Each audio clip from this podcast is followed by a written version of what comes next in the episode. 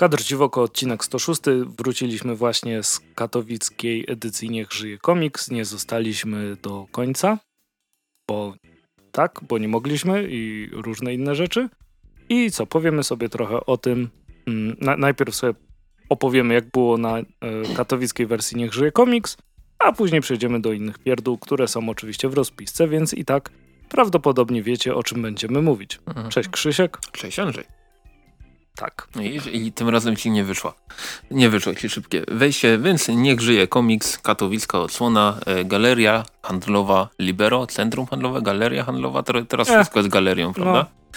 Więc e, galeria handlowa Libero, Komiksy to sztuka, więc galeria. dokładnie tak. E, e, miejsce, które i, chyba i ty i Które ja... jest nikomu nie po drodze nigdy. Tak, i miejsce, które i ty i ja widzieliśmy od środka chyba pierwszy raz. Mhm. No, e, ale, ale zaskakująco mi się podobało, przynajmniej w dniu wczorajszym, czyli we piątek, w pierwszy dzień Nie Grzeje Komiks, bo dzisiaj byliśmy stosunkowo krótko. Mm, y, To, co mi się tam podobało, znaczy nie oszukujmy się, no centrum handlowe, więc specyfika tej imprezy była taka, że po prostu w pasażu e, były poustawiane stoiska, tak dość mocno rozrzucone, ale na szczęście to przebicie przez kible były, było ba- bardzo skracało drogę pomiędzy stoiskami, to było spoko. M- można powiedzieć, że było mm, w sumie taką podkową trochę? Tak, tak, zdecydowanie Z, takie, wzdłuż takie- podkowy. takie U, Mhm. U otwarte oczywiście.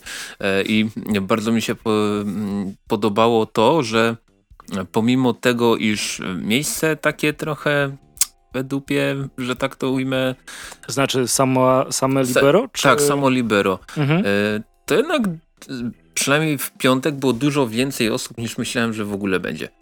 No, no, no. I było bardzo dużo osób takich właśnie totalnie przypadkowych, nie że tam, wiesz, starzy wyjadacze znowu te same ryje. Znaczy, ym, takie osoby też się zdarzały, bo tam parę osób... My. Tak, parę, roz, parę osób się udało mi rozpoznać e, i wzajem, i, i na odwrót. Natomiast też było widać bardzo dużo osób takie, które po prostu przyszły, bo plakaciki, bo reklamy w radiu, coś w ten deseń. Re- Reklam, rozreklamowane to było naprawdę fajnie, bo widziałem i billboardy, widziałem i... E, I w radiu była reklama, bo nawet mój tata mówił, że, że słyszał w radiu, że coś takiego w Katowicach będzie. Tak, dokładnie. Właśnie chciałem powiedzieć, że i billboardy widziałem i to nie tylko w Katowicach, w okolicach, bo i w Zabrzu była i w, billboard i w Zabrzu, i w Rudzie Śląskiej, i w Gliwicach widziałem. E, plakaty na przystankach autobusowych widziałem. No, e, wspomniana reklama w radiu to e, w antyradiu ją słyszałem chyba ze dwa razy. Więc, więc było, było. Naprawdę, naprawdę spoko. No i na Facebooku, znaczy no, nam, to, że nam wyskakiwało, to nie jest, to jest ni- nic dziwnego. Mm? E, natomiast te animacje przydo- przygotowane przez e, Yellow... O, e, oczywiście Andrzej, pomylisz to. Yellow Tapir Films. Oh yeah. E, też bardzo fajne. Mhm. I, I wydaje mi się, że jakby odzew pod nimi też był jakiś. Tak, e, aczkolwiek powiem, powiem tak, że troszkę mnie smuciły niektóre posty na fanpage'u samego Libero, które tam przedstawiało powiedzmy gości, kto przyjedzie i tak dalej. Tam było wiesz, po, dwa lajki, po trzy lajki. Ja mówię, o Jezus Maria, ale będzie katastrofa. A tymczasem nie. No właśnie mówię, że Ale wie- wiesz, tak tłumów naprawdę... nie było, ale no, no, było no. spoko. Przynajmniej w piątek. I jak tak się po, popytało po paru stoiskach, to raczej większość zadowolona. No, bez dramatu, to, Bez to na dramatu, pewno. No. E, Ludzie tam chodzili, pytali, więc to, to na pewno fajnie. Stoisk było sporo. E, No właśnie, stoisk, bo oprócz Egmontu tak na dobrą sprawę chyba byli wszyscy więksi wydawcy. Taurus był tak trochę z partyzanta, ale był. E, No, aha, muchy nie było. A, ja- No i no. Kabum pół Polski też nie przejechał, właściwie całej Polski nie przejechał, żeby Dobra, no ale tak, ale Kultura Gniewu, Timow, Nonstop Tak, Comics, Planeta Komiksu, Słowobraz, Mandioka była, By, by, by. Jatta była. Jatta była, no a Jatta też daleko nie miała. M- mangowców nie było, tak na dobrą sprawę, wiesz, Waneko, JPF, ale No, no, no. No wiesz, to jest e, impreza komiksowa, nie? A manga to nie komiks. Żart, żart. E, tro, trochę, trochę smutno, że na przykład Hana mi się nie pojawił, ale... No ale i tak było bardzo dużo stoisk, było też, że byli, było stoisko Wydziału Siódmego, e, było, był DEM, były też, e, byli przedstawiciele zinów i to niekiedy to były takie osoby, których dotąd nigdzie nie widzieliśmy, Z własnym stoiskiem. tak, z własnym stoiskiem. E, był jejku, jejku, tapet, z, z, z Zintanka nazwisko mi uciekło. Helena Smoke. Helena Smoke, o, to, miała stoisko, były... Razem z e, autorem twojej grafiki na e, Image Comics Journal. Ta, tak, tak, tak, e, z, z Krzysztofem, tak, moim imiennikiem, natomiast była Karolina Plewińska ze swoim nowym zinkiem, który gdzieś tutaj sobie obok mnie leży i to pamiętam, że Karolina to chyba tylko na, na Pyrkonie się wystawiała. No i to, kiedyś na Kurczakach, pamiętasz? Była na Kurczakach? Ale na tej poprzedniej edycji, tak mi się wydaje. No, ja tam, tam, ciasno było, to nie pamiętam ja, ja tam, wiesz, ja tam ty, nie pamiętam, co tydzień temu się ze mną działo, a co dopiero. Ale tak, no jako taką imprezę i było stoisko mm, Biblioteki Śląskiej z, z czytelnią taką, mhm. mini, mini czytelnią woźną i też słyszałem, że strasznie dużo osób tam chodziło i sobie e, brało coś z tych półek, siadało, czytało. Więc jak, jako promocja komiksu tutaj w, tym, w tej naszej czarnej dziurze, czy coraz mniej czarnej dziurze, bo jednak coraz więcej rzeczy się dzieje, ale no fajnie, że kolejna rzecz powstała. Czarnawej. Fajnie, że kolejna mhm. rzecz powstała i miejmy nadzieję, że stanie się to cykliczne. Oby, bo, bo wydaje Może mi się, w innym że... miejscu. Bliżej centrum. Albo w centrum. O, to by dopiero w ogóle było. No i wtedy nikt nie przyjdzie. To... Wiesz, znaczy, nie, wiesz, tutaj... Na przykład MCK jakiś albo coś. Tak, tylko że wtedy idziesz stricte po to. A jakby organizowanie tego w galerii handlowej... No to jeśli... w galerii katowickiej. A nie, nigdy, nigdy nic w galerii katowickiej. To... to w Silesii. Znaczy, ja rozumiem, że chodzi ci o dojazd. Bo no, nie jest łatwo się dostać do Libero. Tak, jak się nie ma auta, to, to, to wesoło się Dopóki być. nie będzie przesiadkowego, mhm. to, to pewnie rzeczywiście będzie zdecydowanie ciężej. Natomiast e, bardziej chodzi mi o to, że mm, wiesz, jest tutaj szansa na przypadkowe osoby, bo gdyby mhm. zorganizować imprezę tylko komiksową, no to trochę osób by może przyszło, ale no, wiesz jak jest. Nieprzypadkowe osoby. No, no właśnie. Myślę, że ta ilustracja czy, czy, czy plakat też tutaj coś, coś robiły. Mhm. Natomiast e, nie widzieliśmy, bo już się zmyliśmy na przykład dzisiejszej strefy autografu, ale tak jak e, autografów, ale jak, jak tak sobie po Facebooku obejrzałem, na przykład jak Łukasz Kowalczuk i Michał Siedziński siedzieli na, pie, na pierwszej warcie, że tak to ujmę, tam ktoś tam był. A, a były też takie obawy, że może nikogo nie być. Ciekawe jak te warsztaty wypadły, na przykład wczorajsze piątkowe warsztaty dla najmłodszych, to tam widziałem sporo osób się kręciło po tej, po tej scence takiej ustawionej tam w jednym miejscu. Więc jestem ciekaw jak, jak to tam pójdzie w dniu dzisiejszym, to pewnie się dowiemy jeszcze jakoś. Mhm. No, no i tak jedno spotkanie. Fajnie by było, gdyby tych spotkań było oczywiście więcej, no ale mhm. też patrząc na to, że to jest galeria handlowa, e, to no nie zawsze można coś, coś takiego ogarnąć, prawda? Mhm. Spotkanie jest e, w dniu dzisiejszym, czyli kiedy nagrywamy sobota mhm. o 16? Tak. O 16. 16.30 jakoś tak. No, no w każdym razie po, popołudniem, a my sobie nagrywamy jeszcze na grubo, grubo przed, przed tym, że tą, tą godziną. Więc nie, nie wiemy dokładnie jak tam było. Szkoda, że nie, nie było czasu, okazji, żeby być tam dłużej. No ale cóż, ale, ale byliśmy, zobaczyliśmy, parę rzeczy nawet kupiliśmy. Generalnie spoko. Tobie na pewno lody dzisiaj też smakowały, jeszcze przy okazji. O tak, ekstra, bo mieli tam taką e, mieszankę, która się nazywała ulubione i tam były takie śmietankowe lody, na to polewa czekoladowa jakby bezpośrednio w lodach w tym takim zbiorniku, jeszcze tam warstwa karmelu. Ekstra smaczne były. Hmm. Ale Kinder Niespodzianka ci bardziej smakowało? No, Kinder Niespodzianka to, to jest szacuneczek. Y, no cóż, y, więc liczymy na to, trzymamy kciuki za tym, żeby to nie była ostatnia impreza taka stricte komiksowa y, w naszych okolicach. Też było sporo osób właśnie związanych, bo to jednak niech żyje komiks i ilustracja i osób związanych z samą ilustracją też było całkiem sporo. Tam parę fajnych rzeczy można było złapać. Zresztą druga połówka Andrzeja dzisiaj przywiozła taki fajny plakacik. Widziałeś ten? Który? który? Tak, tak, tak. Bardzo, widziałem, widziałem. Bardzo, bardzo ładny. Bardzo ładny, no. Więc, więc i, i komiksowo, i ilustracyjnie było, było całkiem nieźle. No i co, tak jak wspomniałem, trzymamy kciuki za tym, za to, żeby to nie była ostatnia impreza na najbliższe ćwierćwiecze, taka stricte komiksowa tutaj w okolicy. No i co, przejdźmy dalej już do innych pierdół, jak ty to ująłeś. No to co? Co, nie, nie nazwałem to pierdołami naprawdę? Tak, tak. O kurczę. A to nie o to mi chodziło. No dobra. No to inne pierdoły, czyli Egmont zapowie... A to dobra, to o to mi chodziło. zapowiedzi Egmontu na kwiecień. Na kwiecień tego roku, co my tutaj mamy?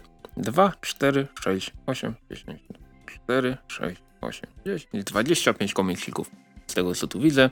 Mm, I może nie będziemy lecieć po kolei ze wszystkim, tylko rzućmy, po, powiedzmy o rzeczach, które y, tobie się rzuciły w oczy, mi się rzuciły w oczy jako te potencjalnie najciekawsze. Zaczniesz? E, tak, tak. Jeszcze, hmm. jeszcze patrzę dokładnie. Um, no na pewno mnie cieszy kontynuacja DMZ, bo DMZ jest bardzo fajną serią. E, pojawi się Harlin, tak, w twardej, w twardej oprawie. Tak, Natomiast ma, ma, mam, bardzo... Mam ból dupki o to. Tak, e, rozumiem dlaczego.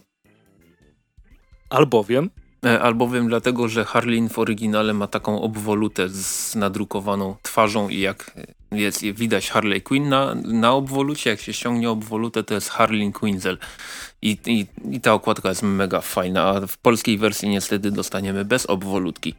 E, cieszy mnie jeszcze Hitman. Ale dostaniemy dużo taniej za to. No tak, zdecydowanie taniej. E, Hitman od DC też będzie. 99 zł, 328 stron to też też fajna opcja, no i nie ukrywam, że... Chyba będzie jedyny tom, bo jak tak sprawdzałem Hitman Deluxe Edition, a zapewne na tym będzie się Egmont opierał, mhm. to jest na razie jeden tom. No widzisz. Tak czy siak, jest wpisany tom pierwszy. Mhm. E, z DC Deluxe jeszcze multiversum Granta Morrisona, to też trzeba szanować, bo to Grant Morrison. No i tutaj cena jest kozacka. okładkowa 144,99 chyba. O, już dawno czegoś tak, tak w takiej cenie Egmont nie wydał. No ale to ma prawie 500 stron. No, więc właśnie chciałem powiedzieć, że to, to, swoje, to swoje będzie zajmować mm, miejsca na przepraszam, mi, miejsca na półce. Natomiast co mi się rzuciło w oczy jeszcze z takich rzeczy ewent ewentualnie wartych polecenia. O dziwo powiem o dwóch rzeczach z Marvela. Jedna to, jedna to, a, to Punisher Max. Jedna, jedna to jest Punisher Max, owszem, a druga to jest Daredevil Franka Millera, tom trzeci. Tak, najlepsze czasy Franka Millera, mm. czyli nieobecne. Dokładnie, a na, natomiast Punisher Max tom ósmy to jest pierwszy tom ze scenariuszem e, Jasona Arona i rysunkami e, nieżyjącego już Steve'a Dillona i to jest, na, i to jest kozak komiks. To jest ten Max, który ja ukochałem sobie nawet troszeczkę bardziej niż Garta Enisa, bo tam się dzieją chore rzeczy tak jakby u Enisa się nie działy chore rzeczy, ale tu, tutaj ten bullseye jest po prostu i a, dużo, dużo fajnych rzeczy. No i co, chyba jeszcze można wspomnieć o niegodnym torze, bo, bo to jest faj, tak, faj, to, fajniejszy to jest... fragment tego ranu. Mhm. No co, coś jeszcze się rzuciło? Aha, no, dwa tomy Lucky Luka, więc Lucky Luke zawsze na propsie. Ogólnie całkiem sporo fajnych rzeczy. Ale na, najbardziej z tych wszystkich zapowiedzianych komiksów taki jeden, jedna, jedyna rzecz, która mnie cieszy najbardziej, to byłbym, to powiedziałbym, że ten Pani Shermax. Mhm. No mnie chyba to multiversum najbardziej. Mhm. Dobrze. No I to, co jeszcze do Timofa sobie przejdziemy. Tak Zapowiedzi na miesiąc obecny. Tak jest. I mamy trzy komiksy. Hip Hop Genealogia, tom trzeci e, Eda Piskora, to Jaranko. E, tym razem zajmuje się to latami 83-84, więc takich klasyków nie zabraknie jak LL Cool J, Rick Rubin, Fat Boys, Houdini, e, czy oczywiście ostatecznie Beastie Boys. E, no i oczywiście Run DMC, którzy też zajmują większą część okładki. E, swoją drogą DMC z Run DMC miał własne wydawnictwo komiksowe. Wiem, wiem. Nazywało słyszę. się tam Daryl Makes Comics. To mhm. bardzo ładne rozwinięcie DMC. Dobra, e, oprócz tego szósty rewolwer tom Kolejny, właściwie szósty. Szósty, I, e, Scenariusz Kalen Ban. Tak, i rysunki Brian Hart i tutaj ciekawostka, te, w jakimś tam mikronakładzie było, był ten komiks już dostępny na Niech Żyje, na Niech Żyje Komiks i pan, pan Timofiejuk powiedział, że to jest taka tydzień przed premierą, więc o, uh. premierowo było. I trzecia pozycja, która ma premierę i okładka mi się strasznie, strasznie podoba, jest to Shangri-La. I autorem całego komiksu jest Mathieu Bablet. I możecie sobie zobaczyć zwiastun do tego komiksu, który Timow udostępniał na swoich social mediach, ale my pewnie też go udostępnimy. Jeśli, nie, jeśli, jeśli nie tak. Jeśli nie zapomnimy. E, strony przykładowe, na mm, jakie, jakie są, zostały udostępnione są bardzo ładne. Podoba mi, podoba mi się kolorystyka tych plansz. I co my tutaj mamy? Twarda okładka z 224 strony, cena okładkowa 126 zł. Mm, ja sobie patrzę teraz na, na Aleję Komiksu i mamy tak, Shang Shangri-La oprawa twarda, szósty rewolwer, oprawa miękka, hip-hop, genealogia, oprawa zintegrowana. Podoba mi się, podoba mi się y, to pojęcie, że to jest oprawa zintegrowana. A, bardzo lubię Tak, ten, to ani, ten rodzaj oprawy. No, no, no. miękka, nie? Takie... Ale to jest taka szczerze najfajniejsza, Mhm. bo jest wytrzyma bardziej wytrzymała niż miękka zdecydowanie, ale nie zajmuje tyle miejsca co twarda. I tutaj ciekawostka, jeśli sobie zobaczysz tutaj, co dostaliśmy w materiałach o, o zapowiedziach, to następny komiks, który pojawi się po Shangri-La, będzie e, już, już tu mówię, trzysetnym komiksem w ofercie Teamow. O, faktycznie. To mamy ciekawe, co będzie numerem 300, może ale to pewnie się przekonamy w książeczka do prosto z piekła. Tak, e, to pewnie się przekonamy we miesiącu kwietniu. Tak, tak. Znaczy, no nie w kwietniu, bo wtedy będzie premiera, ale No, pewnie w marcu. Tak, może w marcu jeszcze, może w marcu jeszcze się coś ukaże po prostu, bo, bo te trzy tytuły to są jednak premiery na A, luty. tak, tak, tak, oczywiście, o to chodzi. Natomiast może przejdźmy jeszcze, skoro już jesteśmy przy premierach, to przejdźmy do zapowiedzi e, premier na mm, Rumia Comic Con, który już 7 marca. Tak, dwa, dwa tygodnie, znaczy właściwie w momencie, kiedy to słuchacie, to już niecałe dwa tygodnie do tego wielkiego wydarzenia, trzeciej odsłony e, Comic-Conu w Rumi. W Rumi Rumi, Rumi. Nie rób, nie rób takich rzeczy. E, I e, na blogu, tak? Bo na WordPressie to blogi. Mm, tak. Rumia Comic Con możecie znaleźć listę premier, które będą. Ta lista nie jest jeszcze zamknięta. I na razie jest ich tyle, że możemy przeczytać wszystko, co jest, No, prawda? To jest 14 pozycji, jakby nie patrzeć. Więc już, Bardzo już, dużo. już dużo. E, W zeszłym roku było bodajże 5 premier na Rumi. bardzo możliwe. I mamy tak, Doompipe numer ósmy, Szok. Szok. Już ósmy? prawda? I to mija dokładnie rok, czyli w ciągu 12 miesięcy e, duet Henryk i Tomasz Kaczkowski wypuścili no 8 Mhm. komiksów. To jest masakra. E, Oni psują rynek tym tempem. tak nie wolno. e, następnie mamy niesamowitą dokręcaną głowę Mike Mignola, wydawnictwo Kabum. To też Jaranko, Jaranko, wiadomo. owszem. Rotmistrz Polonia, Łukasz Kowalczuk, Łukasz Godlewski, wydawnictwo 23. To jeszcze sobie dzisiaj o tym powiemy. Tak jest. E, I teraz premiery od Kultury Gniewu, które miały być później w marcu, ale będą na Rumie. No na ważne wydarzenia trzeba robić im premiery. To tak, to prawda. I tutaj od razu z grubej rury rycerz Janek, Jan Mazur, Robert Sienicki, Igor Wolski, Tomasz Grządziela. No ja nie ukrywam, bardzo, bardzo czekam na rycerza Janka. Tak bardzo ładnie wyglądają te strony, które pojawiają się w internetach.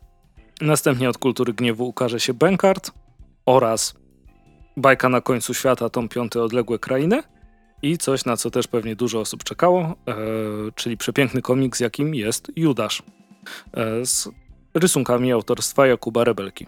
Tak jest. Scenari za scenariusz jest odpowiedzialny Jeff Loveness i pamiętam, że to, to Boom Studios wydało, prawda? Tak, bum. Boom Studios, no jest...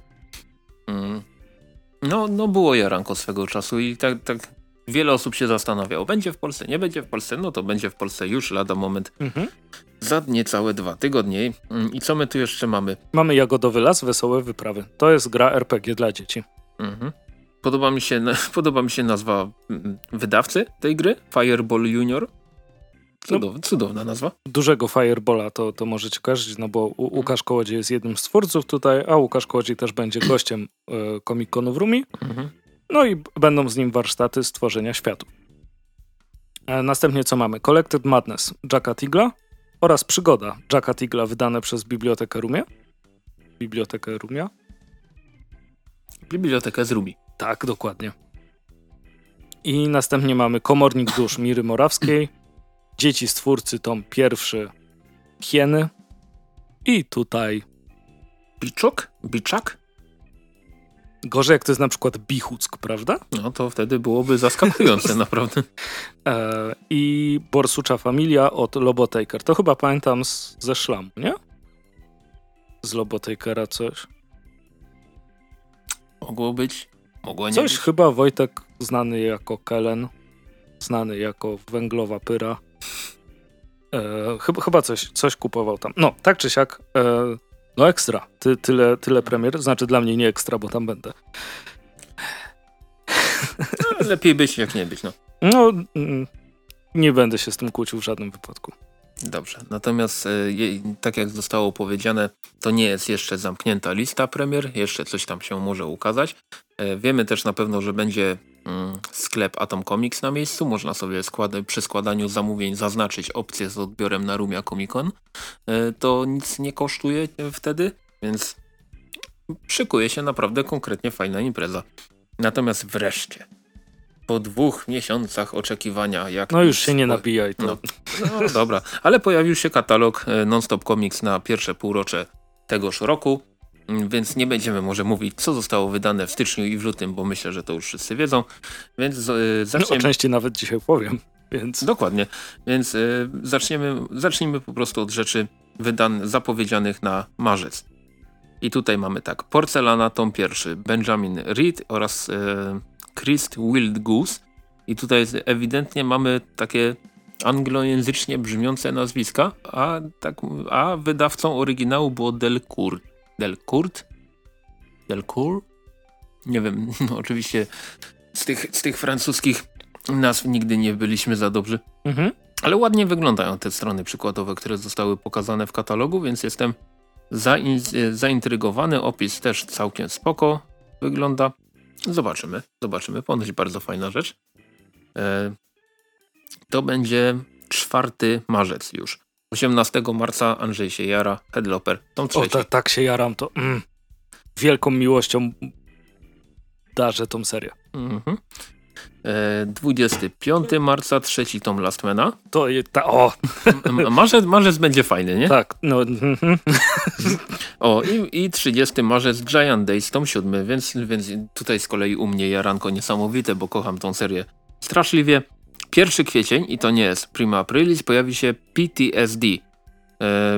I to będzie o no, jak, jak nazwa też może sugerować o weterance wojennej i ponoć bardzo mocna rzecz. Tutaj 208 e, stron, oprawa twarda, znając Non-Stop Comics to pewnie to wydadzą w jakimś formacie na pół ściany, więc... A jest, jest, jest nawet napisane. Tak? Gdzie? 155 o, na 216. O, faktycznie jest, to, no, ale to wydaje się, że wydaje mi się, że to będzie dość, dość spore. No, nie, nie, nie, będzie. 216 to jest 21,6 cm, a to, to, jest, jest, to, jest, to jest mniejsze niż e, amerykański format. Porównałem sobie z kolejną rzeczą, która ukaże się 1 kwietnia, czyli czwartym tomem Monstresy. I tutaj się bardzo jaram, cieszę się, że kolejny tom tej serii się pokaże. 8 kwietnia The Black Holes. Jejku, rysunkowo znowu bardzo ładnie to wygląda. Nie, nie, jest mi, nie jest to znana mi rzecz. Też wydawnictwo, oryginalnie wydawnictwo Dar Gau. D. Na pewno to przekręciłem za każdym razem, kiedy próbowałem to wymówić. Więc zobaczymy tutaj scenariusz Bo Borja Borja Gonzalez.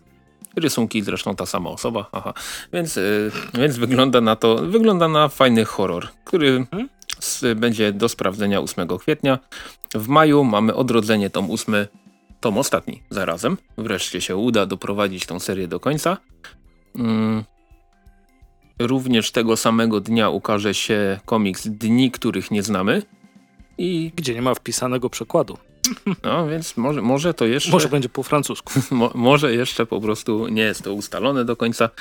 I tutaj ale po, pomysł na serię hmm. mi się bardzo podoba, że żyjesz co drugi dzień.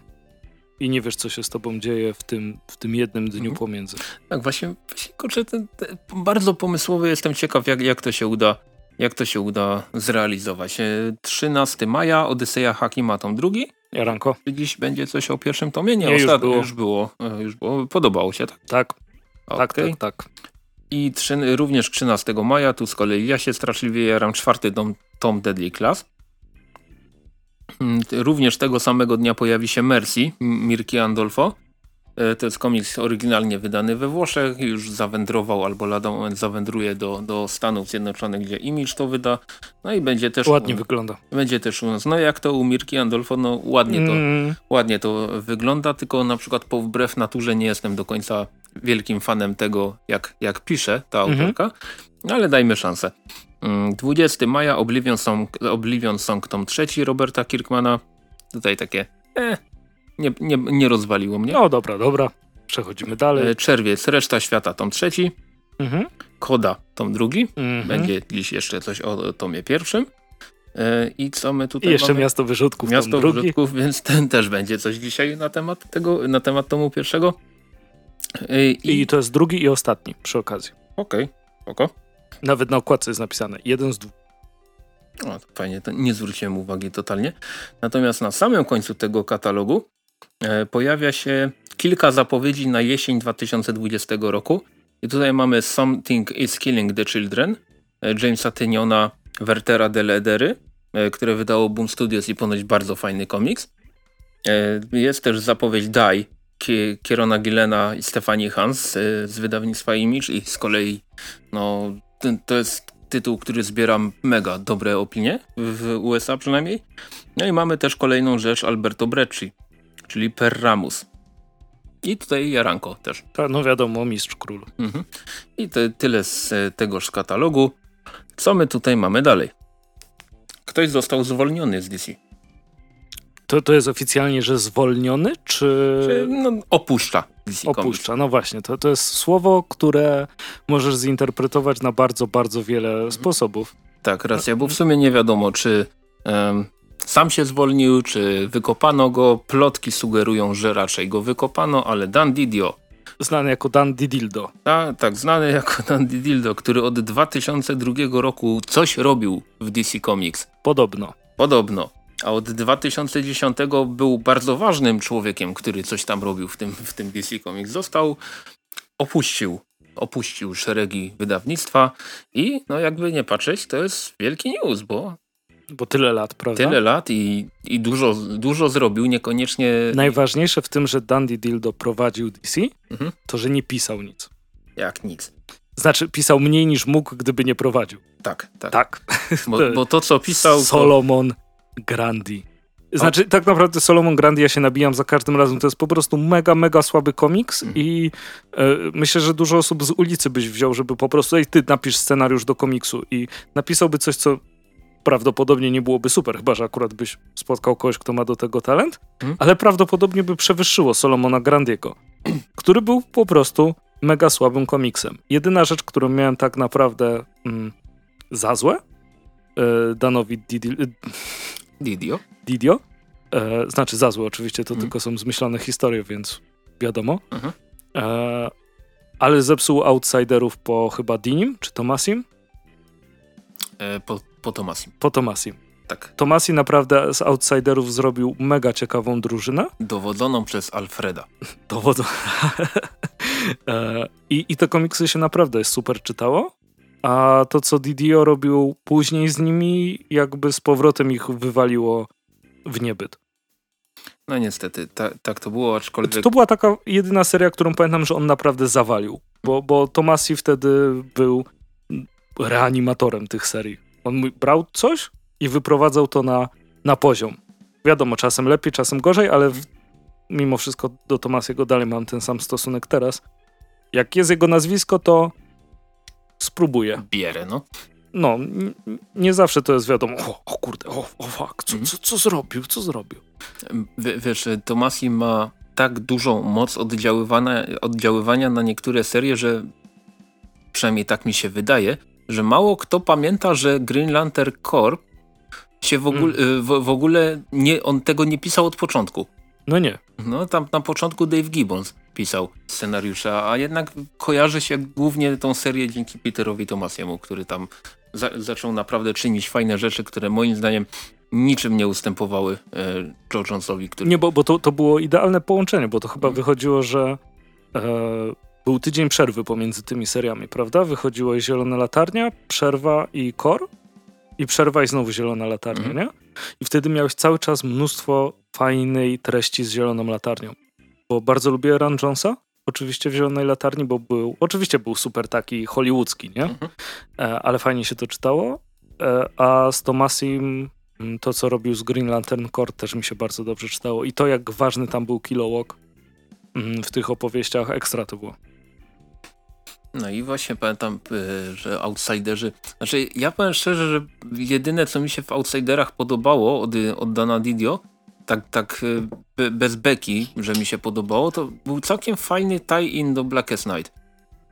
Bo oczywiście w tych tajinach... Tak, no dobra, to rzeczywiście był fajny. W tych tajinach y, do, we wszystkich możliwych seriach no, schemat opowieści był ten sam. Ktoś zmartwychwstał i trzeba było się z nim trzaskać. Nie? I to była z reguły jakaś bliska postać dla, dla danego bohatera, dla danej grupy. E, w Outsiderach Dana Didio y, została wskrzeszona Terra. Terrera.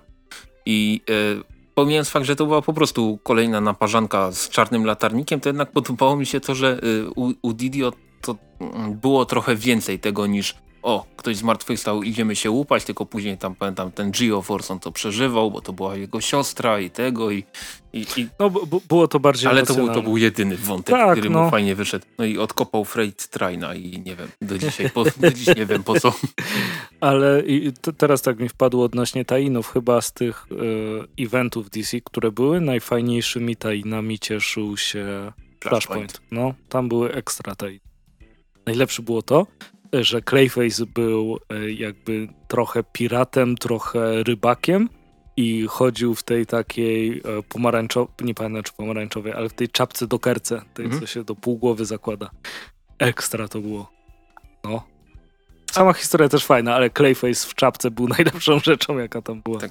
I Kalisz był na pustyni i w ogóle dużo rzeczy się tam działo, ale... Deadman, ale... Deadman and Flying Graysons to tak było? Jest, tak jest, tak. No, no. To był ten y, i pamiętam, kurczę, tam dużo było fajnych eventów. Oczywiście e, ten Batmanowy mm, Vengeance. Ba, e, tak, Batman Vengeance był, był uff, Super. A to Azarel opisał, nie? Tak, i rysował. I chyba nawet się w Polsce ukazało. Jak, Bardzo w, w, jakimś, w, jakimś, w jakimś tam stopniu. Przechodząc dalej. Przechodząc dalej. Dan Didio y, po tym... Y, po tych 18 latach rządzenia, dzielenia, przeprowadzenia różnych dziwnych e, eksperymentów, bardziej bądź mniej udanych, ja osobiście uważam, że jako marketingowo to na przykład takie New 52 jednak dużo dało DC.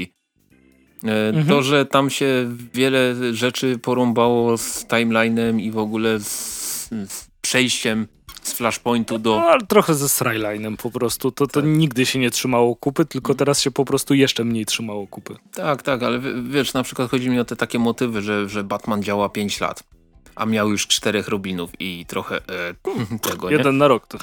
No, to, to, to, trochę tak jakoś, wiesz, przemiał był, przemiał był ostry. No. Mm, e, odrodzenie e, DCU, teraz e, były plany, znaczy dalej są plany wobec tego tajemniczego całego 5G i też widziałem jakieś pogłoski od, dotyczące tego, że górze się nie, nie podoba pomysł na 5G i dlatego Didio mógł stracić pracę, ale to są wszystko po W Polsce też były protesty przeciwko 5G. Tak jest, dokładnie.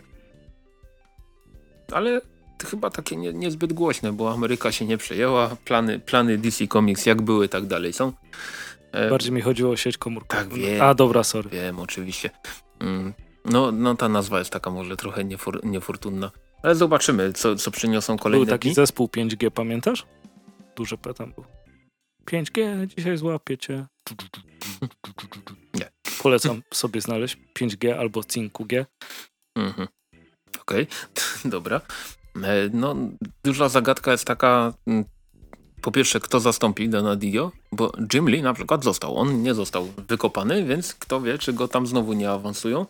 Wtedy byśmy raczej na pewno mieli do czynienia z kontynuacją polityki wydawniczej, przynajmniej tak sądzę, chociaż z drugiej strony może Jim Lee jest bardziej do przygniecenia przez górę, czy, czy coś takiego, że co, co, mu tam powiedzą, to on zrobi. Przez górę rozumiesz Warner? Tak, tak. Mhm. Tych najwyższych tam w, DC. Um, no, myślę, że kolejne tygodnie dadzą nam jakieś odpowiedzi, bo jeżeli na przykład okrakiem się zaczną wycofywać z jakichś pomysłów, to wtedy będziemy już wiedzieć nieco więcej, dlaczego y, Dan Didio mógł zostać zwolniony. Mhm. Ja się z pewnością będę temu ja się z pewnością będę temu przyglądał jakoś, jakoś mocniej i trzymam kciuki za to, żeby przypadkiem nikt nie zaorał DC Kids. Tak. Y, I ja oczywiście to, to, jest, jesteśmy w takim momencie, w którym albo może, może stać się wszystko lepsze, albo może stać się zdecydowanie gorsze, nie? I na przykład y, jest szansa, że mm, coś się zacznie rozwijać, bo DC jest, jest ekstremalnie do tyłu ze wszystkim. Jeśli chodzi o elektroniczne wersje, jeśli chodzi o to, że Marvel ma swój ten y, Marvel Bio. Y, Unlimited? Tak, y, dokładnie. a z DC zawsze było ciężko o wszystko, tak naprawdę. mają moje ulubione postacie ze wszystkich komiksów superbohaterskich. I lubię te komiksy, ale jakby samo podejście wydawnictwa jest takie trochę przedpotopowe. W sensie albo, no, albo idziesz do przodu, albo zostajesz i, i o tobie zapomną, nie? E, I gdyby nie pozycja DC i Batman, wiadomo, e, czy obecnie Wonder Woman, mm, to myślę, że już mogłoby. No, e, mówię jakby w świadomości, nie, mhm. w żadnym wypadku nie mówię o sprzedaży komiksu i tak dalej. Zobaczymy, co z tego wyjdzie, bo jakby to nastawienie takie, wiesz, mm, Disneyowe, które w Marvelu tam trochę, trochę przeforsowali, nie? E, że pieniążek itd. itp. Mhm. E, mam nadzieję, że, że w DC nie będzie, chociaż też tak w sumie tam. Oni wszyscy ale są nie aż tak, ale nie. No nie, nie, nie, nie, nie aż tak. Mam nadzieję, że. Nie znajdziesz w DC komiksu, który ma 80 wariantów okładkowych pierwszego numeru i restartowany jest trzy razy. Czekaj, 80. Moglibyśmy się zastanawiać nad tym Justice League, no, no. czy nie osiągnęło tych 80? Dobrze, tylko chodzi, Ale mi, to raz było. chodzi mi o to, że dobra, znajdziesz komiksy w DC, które mają dużo wariantów, ale nie tak dużo i nie tak często jak, jak Marvel to robi. Marvel nawet Black Cat, zeszyt pierwszy, czyli serię, która nikogo nie obchodzi, wydał w tylu wariantach, że, że ten komiks się naprawdę zarobiście sprzedał a drugi numer zaliczył 90% spadku sprzedaży, więc a, o co chodzi? Mm. Może był znowu w jakimś boksie. Nie, nie, nie był w boksie, po prostu miał miliard okładek. No, no więc tak, będzie, będziemy się przyglądać, co tam Dan Didio wymyślił. Natomiast e, rzućmy sobie okiem na taką rzecz, mm, za którą stoją nazwiska, których ja, się boję w ogóle czytać. Co my tutaj mamy? Mm. Co Mata Kainta się boisz czytać? Dimesh Shamdas, Shamdasani Hunter Gorinson, Warren Simmons oraz Joshua Jones. To są ludzie, którzy założyli wydawnictwo Bad Idea, po polsku zły pomysł.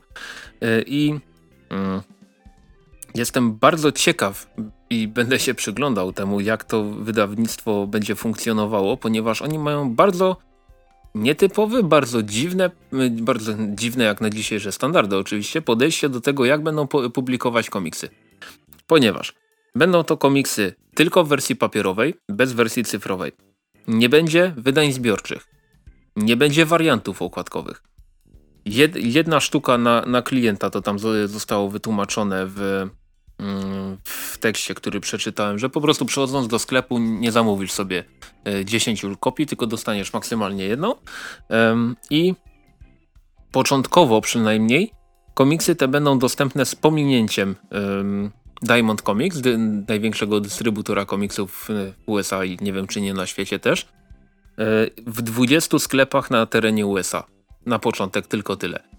I tutaj e, przyciągnięto kilka nazwisk, które no naprawdę robią wrażenie, bo pierwszą serią ma być Eniak autorstwa Mata Kainta oraz z rysunkami Daga Brightwaita, e, czyli duetu, który drugi tom Exo Manuara zrobił od wydawnictwa Kabum.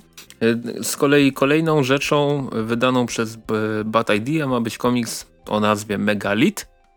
I tutaj będzie pisał i pisał i rysował jednocześnie Luis Larosa. On też e, w Valiancie coś zrobił. Zresztą ogólnie to wydawnictwo założyli ludzie, którzy pracowali w Valiancie jeszcze do niedawna. E, tutaj są jest kilka projektów, które niedługo zostaną ogłoszone, ale podano nazwiska twórców, którzy, którzy będą się udzielali w tym wydawnictwie i mamy tutaj m.in. Marguerite Bennett, Joshua Dysart, Jody Hauser, Jeff Lemire, Jeff Lemire wszędzie jest, e, Peter Milligan, Robert Venditti, Zep Wells, więc naprawdę fajne nazwiska. No i kurczę, będę, będę się przyglądał, co, jak to wydawnictwo sobie poradzi, bo na przykład niedawno, zresztą na Facebooku było to e, u nas podlinkowane, na przykład redaktor naczelny, wydawca wydawnictwa Boom Studios, tak dość mocno się żalił na temat tego, jak wygląda rynek komiksowy w USA. On tam, prawdę powiedziawszy, niewiele odkrywczych rzeczy powiedział, po prostu stwierdził to, powiedział głośno to, o czym było już dawno wiadomo. Mhm. Ale wygląda na to, że ten rynek komiksowy w USA to jest naprawdę coraz cięższe miejsce do sprzedawania komiksów, że jest, że jest coraz trudniej. E, I koniec końców może być tak, że to się rypnie. A jak się rypnie, to będziemy, będzie powtórka z lat 90. gdzie było, gdzie było krucho w pewnym momencie, jeśli chodzi o komiksiki. Co prawda raczej, raczej nie powinno być powtórki w stylu Marvel znowu bankrutuje, bo, bo Marvel tam myszkami sypnie pieniądze i wszystko się będzie kręciło. E, wtedy, wtedy tak nie można, wtedy tak nie, nie mieli okazji e, być tacy pewni, no, no, no. pewni siebie. No ale mo może się zdarzyć tak, że no, wydawnictwa będą, będą miały ogromne trudności, być może nie dla wszystkich się to skończy po prostu dobrze. Więc y, czy takie... Współczuję oczywiście wydawnictwom, które robią dobre rzeczy, które się nie sprzedają, nie? bo to, to jest hmm. chyba zawsze najsmutniejsze. Natomiast e, patrząc na to, jak ty sobie śledzisz te wyniki sprzedaży, prawda? No, staram się. E, jak sobie zobaczysz, że no w sumie tylko ta dwójka tak sra tymi hmm. komiksami, nie? Tak. E, jest mnóstwo niepotrzebnych serii i jakby to mm, przyzwyczajanie ludzi i może nie przyzwyczajanie ludzi, ale wymuszanie na twórcach jakby serializowania e, wszystkich swoich serii, mm, no bardzo często wpływa na ich jakość, nie? I to wszystko jest takie jakieś ładne określenie, pomóż mi znaleźć. Memłate. tak? By, byle jakie? By, no, znaczy byle jakie, nie byle jakie, hmm. wiesz, już jest, jest papką, nie? E, ale niestety ta papka się sprzedaje wciąż. Jasne, że się sprzedaje, no ale wiesz, harlekiny też się sprzedawały, tak, bo tylko, były. Tylko jak wspomniałeś o tych e, listach sprzedaży, które ja sobie obserwuję, no to przykładowo od paru miesięcy jest tak, że jak masz czołową setkę zestawienia Diamonda, to rzeczy nie Marvel i nie DC, to tam w tej setce jest może z 5, 6 pozycji, no dobra, mo może coś około 10, ale, to, ale 90 pozostałych pozycji to masz tylko Marvel, DC, Marvel, DC, przy czym tego Marvela jest dużo, dużo więcej, bo oni jednak mają 44% rynku, coś koło tego, różnie to bywa.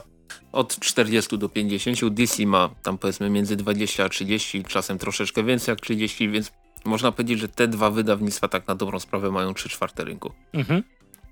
No i, no i dzięki temu przez to też taką, tako, takie taśmociągi tam lecą właśnie jakieś serie z postaciami, które nie zasługują koniecznie na swoją serię, ale, ale sprzeda się. Damy pięć wariantów, z czego jeden w wersji ratio tam jeden na 100, drugi jeden na 1000 i kolekcjonerzy przyjdą. Się Ta, sprzeda. Znaczy wiesz, kolekcjonerzy zawsze przyjdą. Bardziej chodzi mi o to, że to, to niech robią miniserie, czy, czy coś takiego, a nie oszukują się od razu. Bo, bo zobacz, co się dzieje, jak, jak ci artyści dostają miniserie. E, pomijając to, że Mike Mignola, Król i tak dalej, e, mhm. wydawał to, co chciał i, i, były zamknięte historie, prawda? No I ten Hellboy wychodził przez lata i zawsze jak wychodził Hellboy, to to było wydarzenie, bo to jednak, wiesz, jest marka. To tak jak wielokrotnie w grach jest na przykład, jak Rockstar wydaje grę, to to nieważne. To, to jest gra od Rockstara. Mhm. Będzie, wiesz, dopracowana, będzie super, nie? Nie trzaskają FIFA co roku. E, czy tam... Mm, co jeszcze tak wychodziło regularnie? Assassin's Creed przez pewien czas wychodził co roku. Call of Duty. No, co, no, co Call of Duty dla fabuły w dzień premiery 279. No, e, tak czy siak. Mm, zobacz jak wiesz, na przykład wyszedł, jak Tom King zrobił Mr. Miracle w DC, zamkniętą historię, nie? Mhm. Jak zrobił Visiona w Marvelu. E, i, I, to były super mega kozaki. I dostały o, nagrody i tak dalej. Omega Man też było spoko. No, chociażby. Mhm. I, i yy, wiem, że ważna jest sprzedaż i zarabianie pieniędzy, bo to są duże firmy, nad którymi stoją duzi ludzie, którzy prawdopodobnie nie mają serc i dusz. Yy, ale fajnie by było, gdyby było więcej, więcej dobrych rzeczy i to, na co narzekamy wielokrotnie z newsami, jest jakiś Comic-Con, pewnie się dzieje ekstremalnie dużo ciekawych rzeczy, i na przykład nie masz pojęcia o tym, że Nobrow wydało komiks, gdzie na okładce Horus kopie seta w jajca. I jest to przedstawienie panteonu e, egipskich e, bóstw. Muszę sobie zamówić ten mhm. komiks. E, dlatego, że wszystko jest zdominowane przez Marvela i DC. I wiesz, i to ile rzeczy się marnuje, to musi być masakra.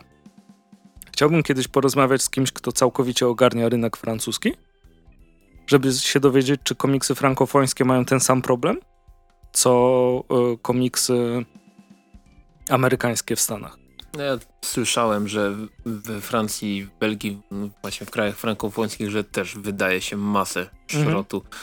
No, jako, że u nas to trafia takie dość mocno przefiltrowane, dość mocno przefiltrowane no. to, to jest spoko. Tylko, że u nas w Polsce przefiltrowany frankofon się, się się sprzeda, ok. Natomiast jeśli chodzi o rzeczy z Marvela i DC, to każde gówno się sprzeda, a z Batmanem to, to się sprzeda dwukrotnie. No tak samo wiesz ze Spider-Manem czy, czy, czy z Deadpoolem, bo... Bo Deadpool. Bo Deadpool. Co, co jest zrozumiałe, nie? No, mhm. Ciekawe, czy Ptaki Nocy się sprzedadzą. Trzymam kciuki, bo to jest bardzo fajny komiks. Mhm. No ale wiesz, kobiety. Fuj. Ach, dobra, o, o, o tym, co się dzieje wokół Ptaków Nocy może nie będziemy mówić. Aczkolwiek gdzieś tam mi mignęło, że e, obliczono mm, w negatywnych recenzjach jaki jest procent mężczyzn, a jaki jest procent kobiet na takim na IMDB zdaje się. No i okazuje się, że te najniższe oceny dla filmu 92% to, to mężczyzn. Powiem ci stary, że żeby... Szok. A, dobra, to, to, to jest żenujące po prostu. Jak, jak cię coś ciśnie w siurka i, i w mózg, to, to idź do lekarza. Czy, czy co, coś takiego. To jest tylko film. A skoro jesteśmy już przy ekranie... Może, Dobrze, że nie przy ciśnięciu. Dokładnie. Skoro jesteśmy już przy ekranie, przejdźmy z, z dużego na mały, ponieważ dwa seriale na Netflixa. E, na Netflixie się ostatnio pojawiły. No, o jednym już było wspominane w którymś z poprzednich odcinków. No ale tak, mamy dwie adaptacje komiksów od IDW. Miało być, a chyba nie było. Co miało być? Nie, o October Faction wspomniałem. To Resident Alien? Czy... E, o October Faction wspomniałem na pewno dwa odcinki temu. Tak dobra, bar, dobra to bar... w zeszłym odcinku miało coś być, bo pamiętam, że miniaturkę rozwaliłeś.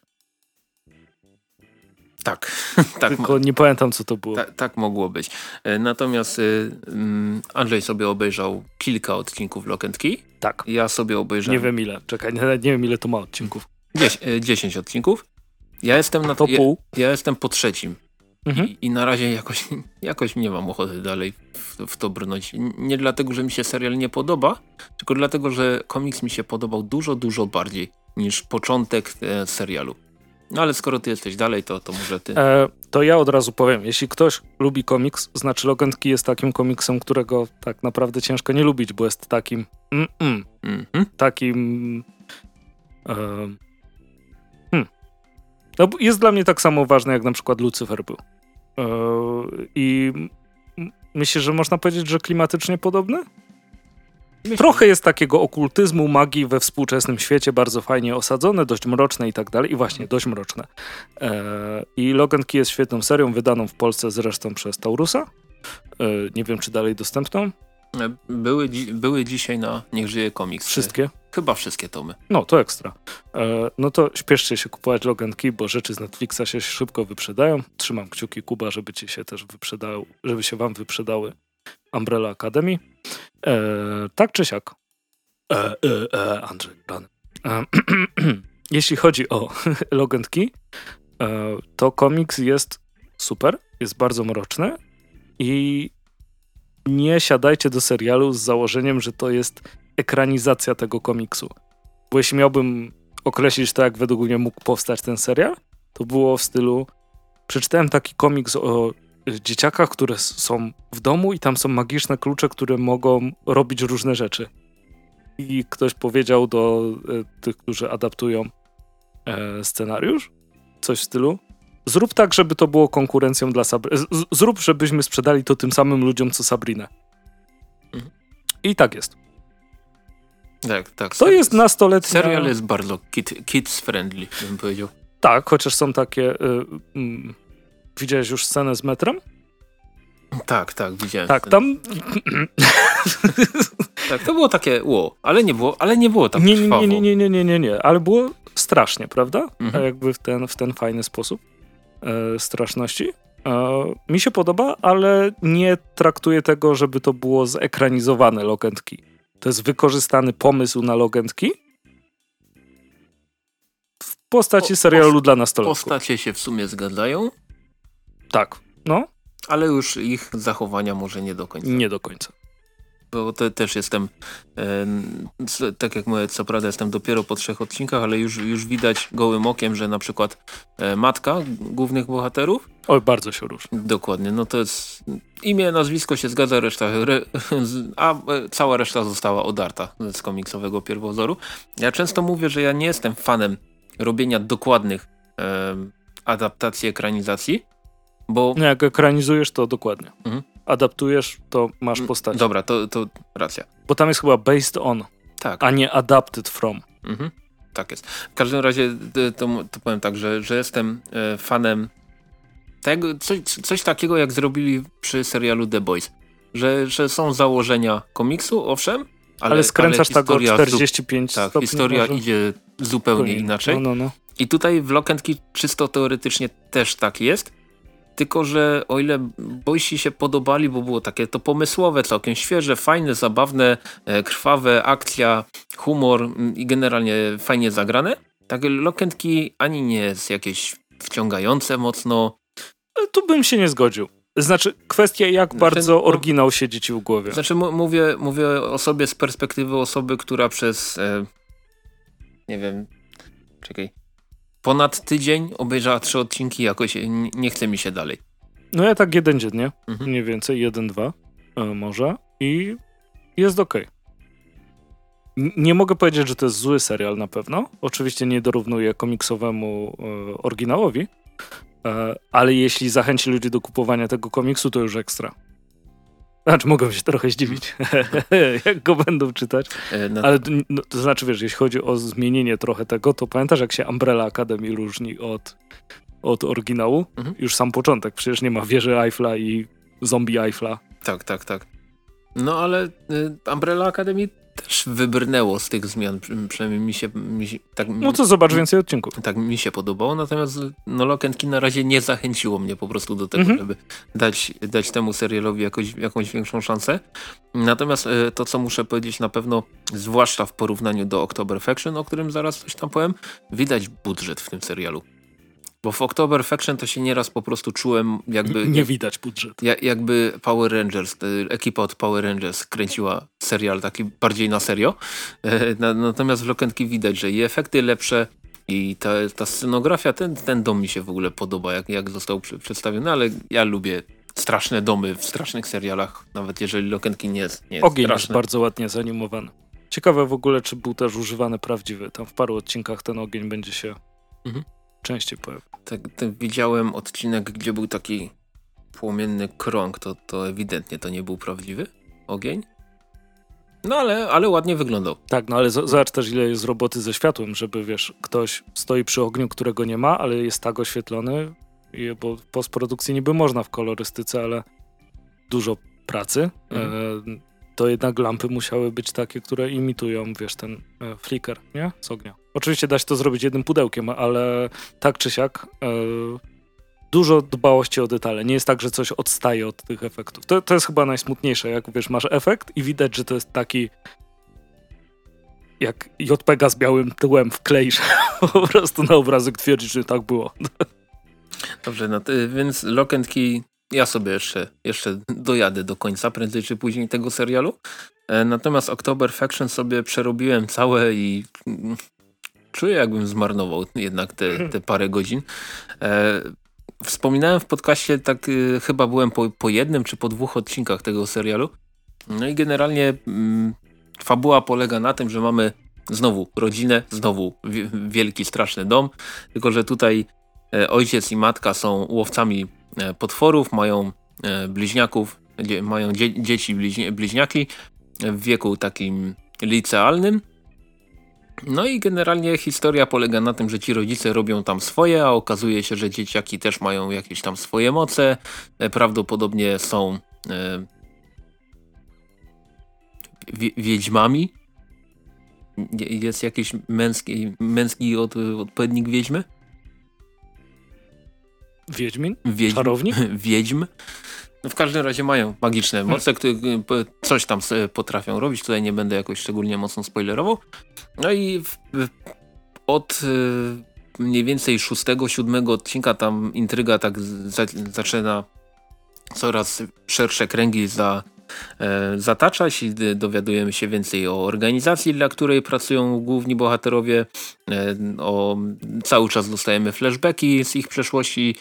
E, generalnie historia ma jakiś tam sens, ale w tym serialu po prostu nie podobało mi się prawie wszystko, bo i E, główni bohaterowie są pisani fatalnie. Dzieci, te, te, te, te, bliźniaki są pisani jeszcze gorzej. Po prostu to jest najgorsza high school drama, jaką po prostu można sobie wyobrazić jeszcze z wątkiem paranormalnym i obowiązkowym wątkiem homoseksualnym, bo Netflix. Ostatnio mnie to zaczęło trochę kłuć w oczy, że oni faktycznie tak strasznie mocno wpychają te wątki chyba we wszystko. E, no, Zwłaszcza jak są źle poprowadzone, tak jak w October znaczy, Faction. To... Każdy źle poprowadzony wątek jest, wiesz, jest smutny. Mhm. Nieważne o czym by był. Bo, kurczę, oglądałeś tego e, Mesjasza z Netflixa? Nie. A, no tam, tam też się taki wątek... No a dobra, nieważne. E, w każdym razie no, no high school drama na najgorszym możliwym poziomie postacie są tak obezwładniająco głupie i to wszystkie po kolei, że, że to się w głowie nie mieści. Zaraz podam taki przykład jednej sceny, która po prostu tak totalnie razi głupotą, że, że masakra. E, kostiumy tych potworów są żenujące.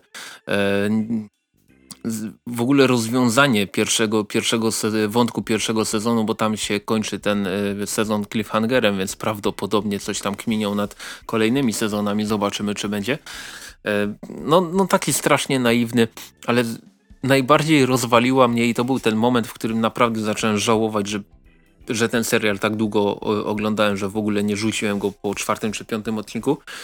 W odcinku przedostatnim była scena, tutaj być może, uwaga, lekki spoiler, gdzie wiedźma, która przez większość serialu wydawała się być główną złą, ale w sumie, w sumie nie była, e, mieszkała sobie w takiej wiosce, gdzie mieszkali właśnie lu ludzie, znaczy nie ludzie, stwory.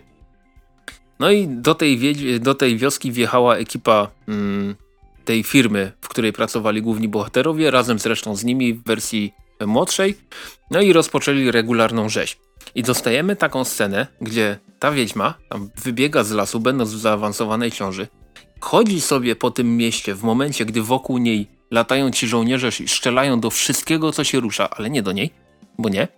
I ona sobie idzie, nie wiem, pomaga rannym, gdzieś tam przechodzi obok tych żołnierzy, coś tam do nich mówi, później wchodzi do budynku, rodzi dziecko, idzie do drugiego budynku, i generalnie, wiesz, nie, nie niepokojona przez nikogo e, i to było takie kurde, to jest głupie po prostu. W pewnym momencie dopiero ci oczywiście główni bohaterowie ją tam odnajdują, znaczy te urodzone przez nią dzieci.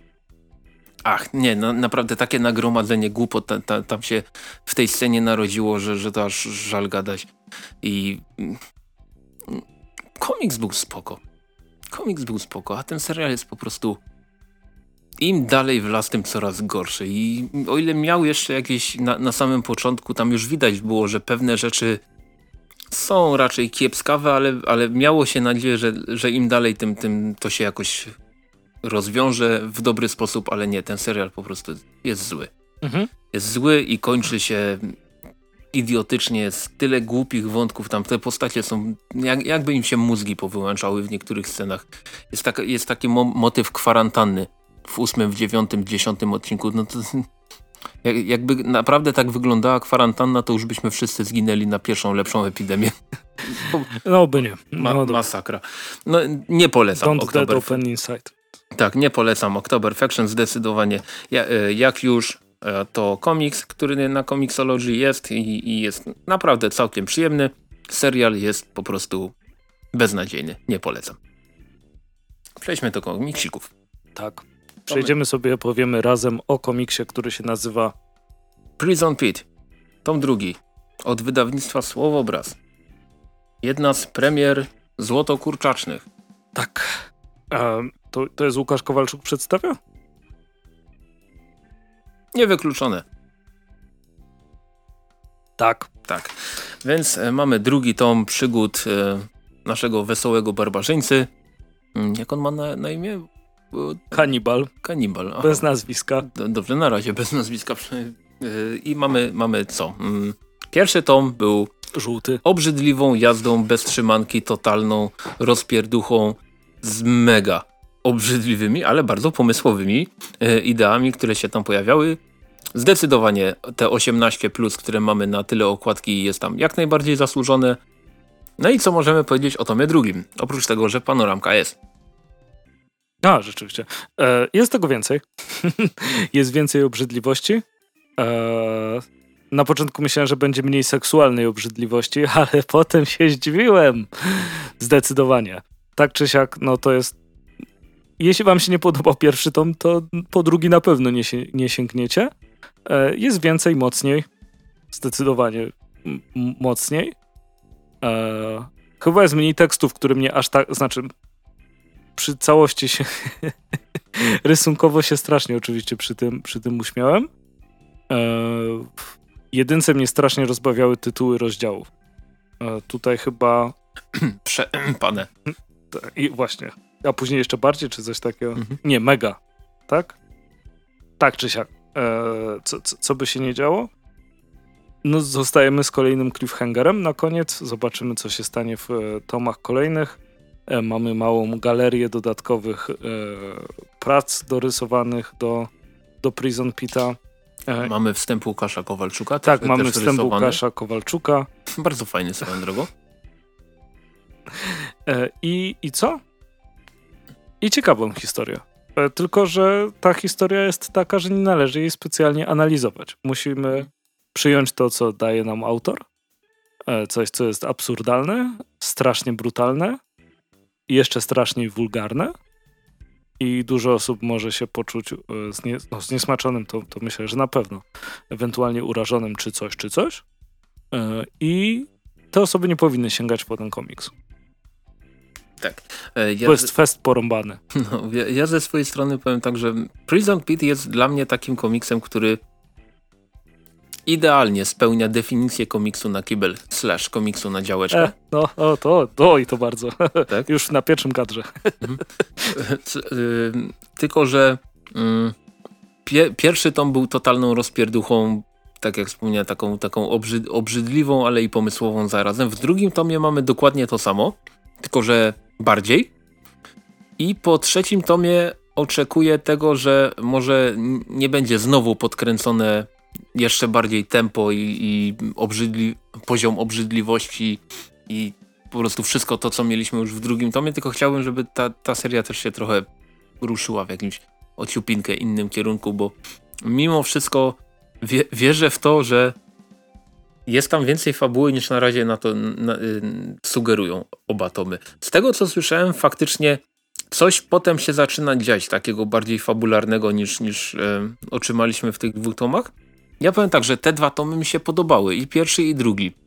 Na swój chory, obrzydliwy sposób mi się jak najbardziej podobały. Tylko mam po prostu mam wrażenie, że w pięciu, jeżeli to się to, co ma, mieliśmy w dwóch tomach się rozciągnie na tomów powiedzmy pięć, to już może mi się to znudzić w pewnym momencie. Mam nadzieję, że tak nie będzie. E, jeżeli chodzi o... No tak, to, to, to znaczy na pewno to nie jest mhm. komiks, który mógłbym czytać ciągiem. I fajnie, że te tomy wychodzą co jakiś czas, mhm. E, bo jakbym, wiesz, jechał tom za tomem, tom za tomem, to na pewno bym się tym znudził dość szybko. Ale w odstępach czasu jest ok. No i co? No i zobaczymy, jak to będzie wyglądało dalej. Jeśli chodzi o, mm, o, te, o ten drugi tom, to mamy mm, tak jak, tak jak w przypadku pierwszego twarda oprawa, taki nieco mniejszy, nieco mniejszy formacik, tłumaczenie Łukasza Kowalczuka bardzo fajne, pomysłowe, podobają, podobają się onomatopeje? Pewnie ci... O tak, oczywiście, ja onomatopei jestem wielkim hmm. fanem, a tych, które są tutaj jeszcze bardziej. Cieszę się, że szlag jest użyty jako mocne uderzenie o ziemię. Hmm. Ślurk i, i, tego typu rzeczy. No, no tak, y, jako że sobie od jakiegoś czasu pa patrzymy na to, y, czy komiksy, o których mówimy, mają jakieś opinie na sklepie Gildia, który słynie z opinii najróżniejszych, no to mm, informujemy, że jak najbardziej jest opinia i to jest całkiem jest, to jest bardzo pozytywna opinia, z którą ja się jak najbardziej zgadzam. Druga księga nawet mnie bardziej obrzydziła od pierwszej, plus dla autora, więc ja, ja się pod tym jestem w stanie podpisać jak najbardziej. Tylko tak jak mówię, chciałbym, żeby nie cała seria wyglądała tak jak te pierwsze dwa naprawdę fajne, pomysłowo obrzydliwe tomy. Chciałbym, żeby było tam ociupinkę więcej. Czy będzie? Zobaczymy już niedługo. Ponoć trójka jeszcze w tym roku się szykuje. Ekstra. Oby, o, I oby tak było. Natomiast co? Mamy e, kolejny komiks od wydawnictwa 23. Tak, dostaliśmy przedpremierowo egzemplarz recenzencki we wersji e, cyfrowej. Bardzo dziękujemy za udostępnienie oczywiście. E, I jest to Rotmistrz Polonia Autorami są Łukasz Kowalczuk oraz Łukasz Godlewski. I co możemy powiedzieć o Rotmistrzu Polonia? Na ty... Mamy tu parę rzeczy. Mamy bardzo fajny wstęp. Tak. E, który musicie przeczytać bardzo dokładnie, jeśli komiks będziecie mieli w ręce. To jest dość. Um, to ukaże się w dość niskim nakładzie, więc będziecie musieli sobie na to polować. Cena okładkowa jest tam chyba, nie pamiętam czy cena okładkowa, czy cena festiwalowa w Rumi, gdzie będzie e, premiera komiksu, to jest 45 zł. I na początku mamy e, wstępniak. Ta, taka jest cena na przedsprzedaży na gildii również. A, no to widzisz. Premiera 10 marca. W gildii. Tak, tak jest, w, we gildii. Natomiast wcześniej w Rumi. Nie żeby trzy dni, ale mhm. tak czy siak jest to, jest to trochę czasu. I później mamy oczywiście komiks o Rotmistrzu, e, Polonia polskim e, superbohaterze obdarzonym nadludzką siłą i tym razem, tak jak możecie też sądzić po okładce, co sądzisz o okładce Krzywu? E, okładka mi się bardzo podoba, tutaj e, Spell. Tak, Spell jest tak? autorem e, okładki. I e, szabelka jest spoko. Szabelka jest spoko i jak się możecie domyślić, walczy z najgroźniejszymi przeciwnikami, jacy mogą istnieć, mianowicie z reptylianami. E, świetnie pokazane bójki, bardzo zabawna historia, e, bardzo fajna, palpowa historia tutaj została dostarczona. E, bardzo ładnie narysowana, te cienie mi się podobają. Nie ma tam oczywiście też, e, nie ma koloru, E, więc wszystko rozbija się w czerni i bieli, ale to, że dzieje się w Polsce, to, to są jak nasze kolory, można powiedzieć. E, fajna mucka, bardzo mi się podoba e, to, co jest tutaj. Mm, mm. Brakuje mi słowa, Krzychu, pomóż. Jak coś jest Jeszcze konspiracją. Mhm. Ta wielka konspiracja, która jest w tle zrobiona to o tym też mega jaranko. I mam nadzieję, że będą jakieś kontynuacje tego. E, bo szkoda, żeby się taki rodmistrz Polonia e, zmarnował i przepadł gdzieś w odmętach historii zapomniany. E, a jest szansa na naprawdę właśnie takie, nie, nie, nie, chcę powiedzieć głupie, ale odstrzelone historie, właśnie, żeby później, nie wiem, polecieć na kosmos, na kos... rany. We kosmos. po, polecieć w kosmos, czy jak w Iron Sky'u była końcówka tam, no wiadomo, z, z, różnymi rzeczami. Jest, jest świetne pole do popisu. Potencjał jest, no. Jest fajny bohater, który jest tak, tak maksymalnie przerysowany, że, że, że aż, aż głupi, czy w momencie walki, gdzie tam e, pije śliwowicę przed na przykład, żeby, żeby lepiej tam e, sobie radzić, czy dodać animuszu, nieważne. E, tak czy siak te takie mm, stereotypy, można powiedzieć, rzeczy, o, o, których mógłbyś sobie właśnie pomyśleć, e, że można przypisać do, do takiej postaci, e, się pojawiają. To mnie strasznie bawi. A po samym komiksie dostajemy jeszcze bardzo długie opowiadanie autorstwa Łukasza e, Kowalczuka i to wszystko się zamyka. Na gildii masz tam podane dokładnie strony. 60. 60. No i myślę, że tu będzie e, tak samo. Tak, dokładnie 60, 60 stron. Podziękowania na koniec. E, ja się świetnie bawiłem. To według mnie też jest komiks, który idealnie pasuje do mm, pomysłu wydawnictwa 23, czyli komiksów z dziwnej Polski. I no jaram się. Jeśli macie okazję być w Rumi, to sobie zakupcie. Jeśli nie macie, to sobie zakupcie gdzie indziej. Ale wydaje mi się, że to jest e, przydatny w Polsce komiks taki palpowy, ze zwykłymi historiami, znaczy no, zwykłymi o reptilianach, e, z przyjemnymi historiami, które się po prostu dobrze czyta i fajnie, że moje ukochane komiksy przygodowe łamane przez akcyjniaki e, się tak dobrze teraz w Polsce mają. E, czy to, że ten Rotmistrz wychodzi, czy to, że Wydział Siódmy wspaniały, wspaniała seria e, się regularnie ukazuje mm, i regularnie utrzymuje swój, swój świetny poziom. I tutaj jest tak samo. Ode mnie plusik. Duży. Dobrze. Ja natomiast powiem o komiksie, który już jakiś czas temu się ukazał. Czy no, jakiś czas temu, dwa tygodnie temu, czy jakoś tak. E, siódmy tom Hrabstwa Harrow. E, powiem tak, jako że jestem olbrzymim fanem tej serii, to też tutaj nikogo nie powinno zdziwić to, że, że będę się jarał także i tomem siódmym.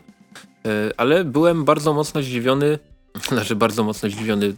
Jakoś sobie ubzdurałem, że e, Hrabstwo Harrow ma 10 tomów łącznie. A tymczasem to już będzie przedostatnia odsłona, ten, ten, tom siódmy i to też widać po fabule tegoż komiksu, że mm, zdecydowanie zbliżamy się do finału tego, co, za, co zaplanował sobie Kalen Ban. Podoba mi się e, na pewno to, jak rozwinięto e, tutaj postać głównej, mm, głównej bohaterki, czyli Emi. Bardzo mi się podoba to, jak rozwinięto mm, tą jej koleżankę naj, najbliższą i te dwie postacie bardzo mocno napędzają komiks. W siódmym tomie, który ma pod tytuł Nadchodzą mroczne czasy, e, pewna postać znana z poprzednich tomów wraca do życia i zaczyna robić naprawdę ostrą rozpierduchę. Tylko, że tym razem naprawdę jest ostro, ponieważ wiele postaci, które pojawiają się w tej serii od samego początku, no dość mocno obrywają. Tutaj może nie będę mówił dużo więcej, ale okładka też już swoje sugeruje tegoż komiksu. Okładka jak zwykle zresztą cudowna. No i nie, nie, nie będę ukrywał, że zdecydowanie tak jak w poprzednich tomach, dla mnie najlepszą, najważniejszą, naj, najpiękniejszą i najcudowniejszą rzeczą, jaka jest w hrabstwie country, to jest zdecydowanie warstwa graficzna, ponieważ jak Kalen Pan... Hrabstwie Harrow? Hrabstwie Harrow, no, nie, to hra, nie to hrabstwo. w hrabstwie Harrow to jest e, warstwa graficzna, bo jak Tyler Crook zaczął zasuwać przy tej serii, to po prostu mucha nie siada. Mega mi się podoba to, co, to, co ten artysta robi i ubolewałem za każdym razem, gdy tam na, na łamach kolejnych numerów pojawiali się jakiś, e, jacyś e, artyści, artyści gościnni, chociaż też nie byli źli, ale, ale Tyler Crook, no to co on potrafi wyczyniać swoimi rękami, to jest po prostu niesamowite. Bardzo mi się podoba to, jak, czekaj, jak to szło? Jak on sprytnie udaje to, że nie rysuje komputerowo, tak? Tak, tak to leciało? Nie, nie, nie, że... E...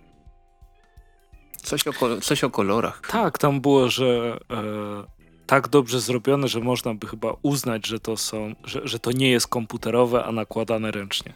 Tak jest. Więc pozdrawiamy.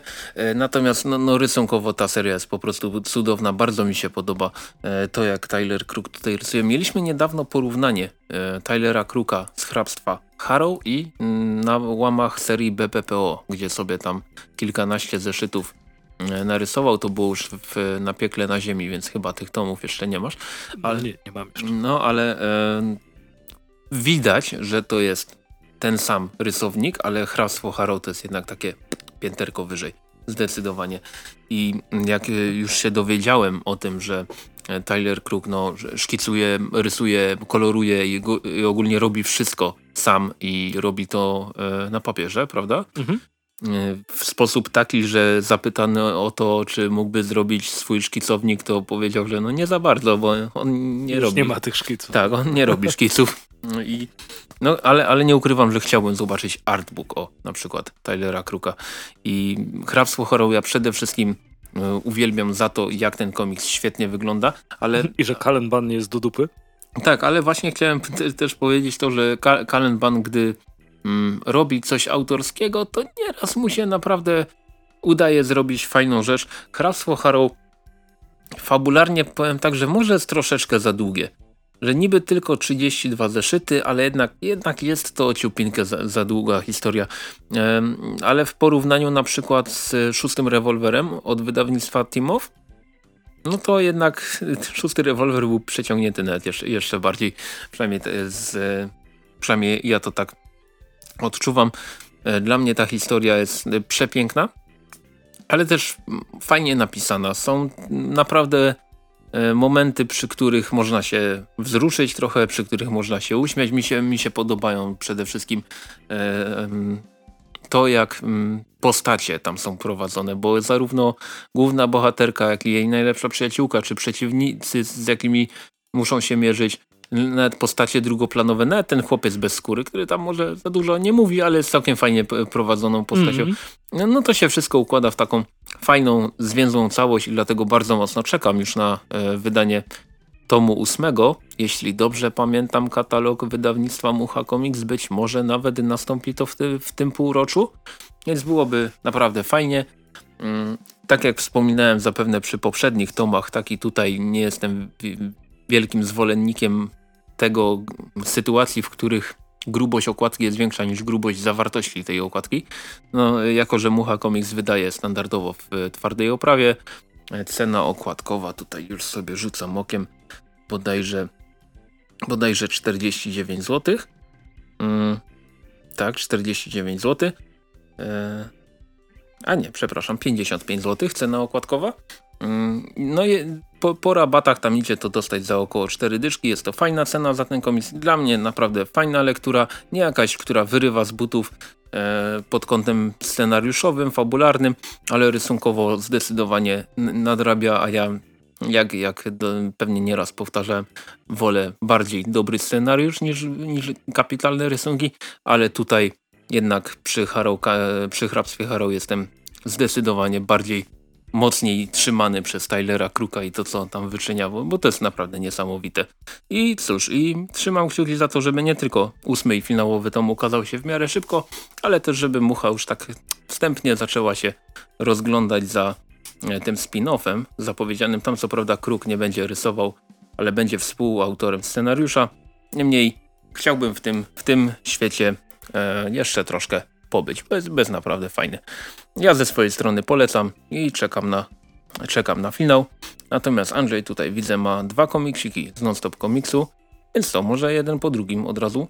I później ty sobie skończysz tam tak, dobra. Tak jest. Ale Nie... kodę też czytałem, więc sobie coś, coś tam jeszcze. Wtrącisz, okay. Coś tam wtrącę. Mm, dobra, więc tak jak już ho, ho, ho. możecie się domyślać, koda, y, czyli publikacja z tego, z tego miesiąca, czy ze stycznia? Stycznia. Ze stycznia. E, od Nonstop Comics e, Simon e, Spurrier i Matthias Bergara. Tak? Oryginalnie komiks ukazał się w Boom Studios. Mhm. I co można o tym powiedzieć? Dużo osób lubi rzeczy, które są postapo, ale też bardzo dużo osób robi, lubi rzeczy, które są fantazy. I to jest chyba jeden z niewielu komiksów, który kojarzę, o ile nie jedyny który pokazuje, co by było, gdyby postapo było w świecie fantazy. Jak tam u ciebie z postapo w fantazy? Coś? Nic mi nie przychodzi do Też głowy. mi nic nie przychodzi do głowy i pewnie jest milion takich komiksów pewnie jeszcze któryś z nich jest jednym z moich ulubionych. Może tak być. e, tak czy siak. Koda właśnie o tym jest. Było wielkie wydarzenie, które tutaj jest mm, rozbudowywane w trakcie poznawania komiksu, więc jakby nie chcę się tutaj nad tym rozwijać. I to, jak świat teraz wygląda, że jest bardzo ciężko o zasoby i ze świata praktycznie zniknęła magia.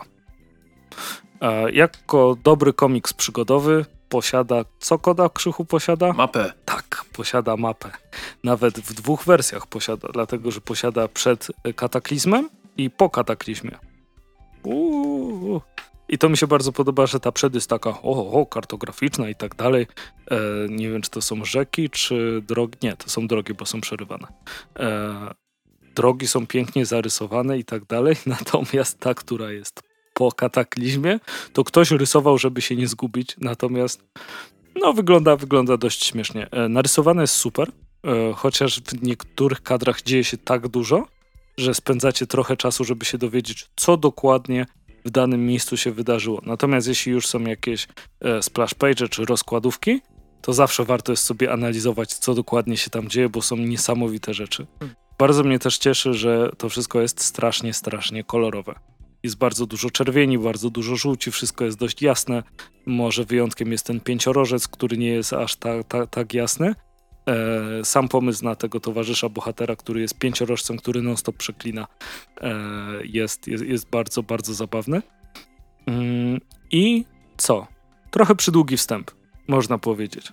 Krzychu, Krzychu się aktywował. Otóż to. Ja powiem tak, że mm, w tym tomie od wydawnictwa Non-Stop Comics są cztery zeszyty. I moim skromnym zdaniem, gdyby czwarty miał na okładce numer jeden, to w zasadzie nic by się wielkiego nie stało. Owszem, stracilibyśmy tam parę wątków, e, które można byłoby później spokojnie rozwinąć, ale tak naprawdę te trzy pierwsze rozdziały no są. Po prostu są, są. ale dużo, dużo świata budują. A, a, tak, właśnie to jest taki gigantyczny world building, przedstawienie bohaterów, przedstawienie świata, ale to główne zawiązanie fabuły to jest dosłownie ostatnie 10 stron. Tak. Przynajmniej, przynajmniej mam wrażenie, że to jest ta główna fabuła. Dlatego to jest coś, e, co mnie cieszy w przypadku tego wydania zbiorczego i cieszy, cieszyło w przypadku Skalpa. Mm, dobrze, że jest więcej naraz. Bo na przykład pojedynczy zeszyt z kody nie wiem, czy aż tak bym nie zachęcił, niż to, że przeczytałem po prostu cały tom od razu. I to, to mi się właśnie bardzo, bardzo podobało. Cieszę się, że też już jest zapowiedziany w niedługim czasie kolejny tom. No bo nie ukrywam, że to jest seria, do której z przyjemnością, z przyjemnością wrócę. Bardzo fajny pomysł na świat, jest w miarę coś nowego oczywiście.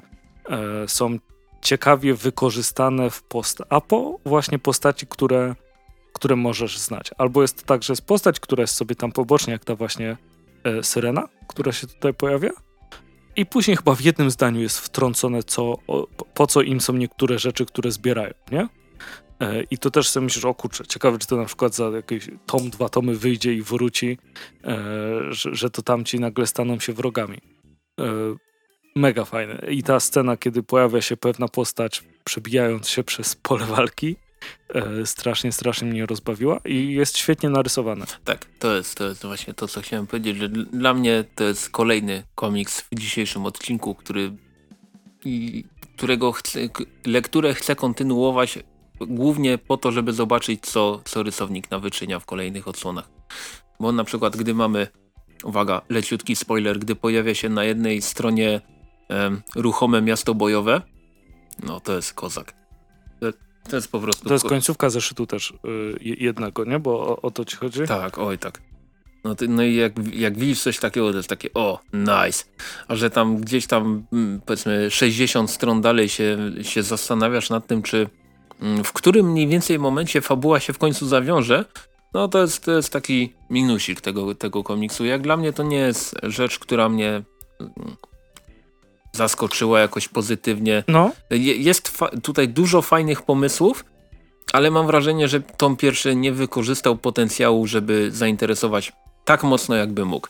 Widzisz, a mnie, mnie na przykład zainteresował tym właśnie budowaniem świata, który, które się tutaj pojawiło, że e, tutaj byli tacy ludzie, ale teraz ich nie ma, ale na przykład może ktoś się pojawi, nie? E, tu, że e, to, że ktoś jest dobry, nie znaczy, że jest dobry, chociaż wydaje się, że jest dobry, nie? A później się okazuje, że to może jednak to on jest tym złym. E, ba bardzo dużo, wiesz, takich możliwości w każdym z tych pierwszych zeszytów, e, które e, roz... No to, to jest dla mnie taki trochę prolog, nie? Księga stworzenia, mhm. można powiedzieć. Tu masz taki świat, który kiedyś działał, ale teraz nie działa. Tam ci byli, tych nie ma, tam ci byli i ich prawdopodobnie nie ma. E, ci są teraz tutaj, ci są tu, a tych nie lubimy, nie? I to, to, to wszystko to zajmuje dużo czasu, no i zostało wytłumaczone przez te, przez te trzy zeszyty wcześniejsze, a w czwartym to jakby ma kulminację jakby nic się nie zaskakuje. Jak ktoś się, y, jak ktoś się pojawia, to jakby jesteś przygotowany na to, że to jest zaskoczenie, że ta postać się pojawi, prawda? I teraz jestem z siebie dumny, ponieważ nie wiadomo o kim mówię, bo jest kilka takich rzeczy. Tak. Mhm. O, o. Oho. Swag. E, I to, to mi się tutaj bardzo podobało. Znaczy ja powiem tak, że biorąc pod uwagę to, że całość kody to będą trzy tomy, to jednak poświęcenie, Aha, no, no poświęcenie dobra, jednej trzeciej na wprowadzenie znaczy, no okej, okay, no dobra, wprowadzenie, tą drugi rozwinięcie, tą trzecie za, zakończenie, a, no a, idealnie, a? Ale, ale jednak, jednak, chyba jednak się woli szybsze wprowadzenie i szybsze przejście do właściwej historii. W moj, przynajmniej w moim przypadku. Ta, znaczy wiesz, ja to, to, to rozumiem, bo też lubię miarę szybko się czegoś dowiedzieć, ale to jest kwestia, jak dużo rzeczy musisz wiedzieć, żeby cała historia miała sens.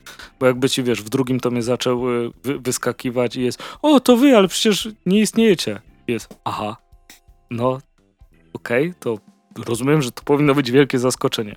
To, to już straszna dupa ze scenariuszem wtedy, nie? Mhm. E, natomiast e, wydaje mi się, że takie, no, encyklopedyczne wyło wyłożenie tutaj niektórych rzeczy ma sporo ciekawych aspektów. Na przykład nie wiemy zbyt dużo o nodze bohatera, prawda? A jednak jest dość, dość charakterystyczna. Później mhm. się przyglądałem, jak pierwszy raz powiedzieli, przemyciłeś to w nodze. I sobie myślę, co? I e, zacząłem się praktycznie przyglądać, jak wygląda ta jego noga. Ja mam takie małe porównanie, bo jakiś czas temu, parę lat temu w Boom Studios też od e, Simona Spurriera ukazał się taki komiks, który się nazywał Extermination.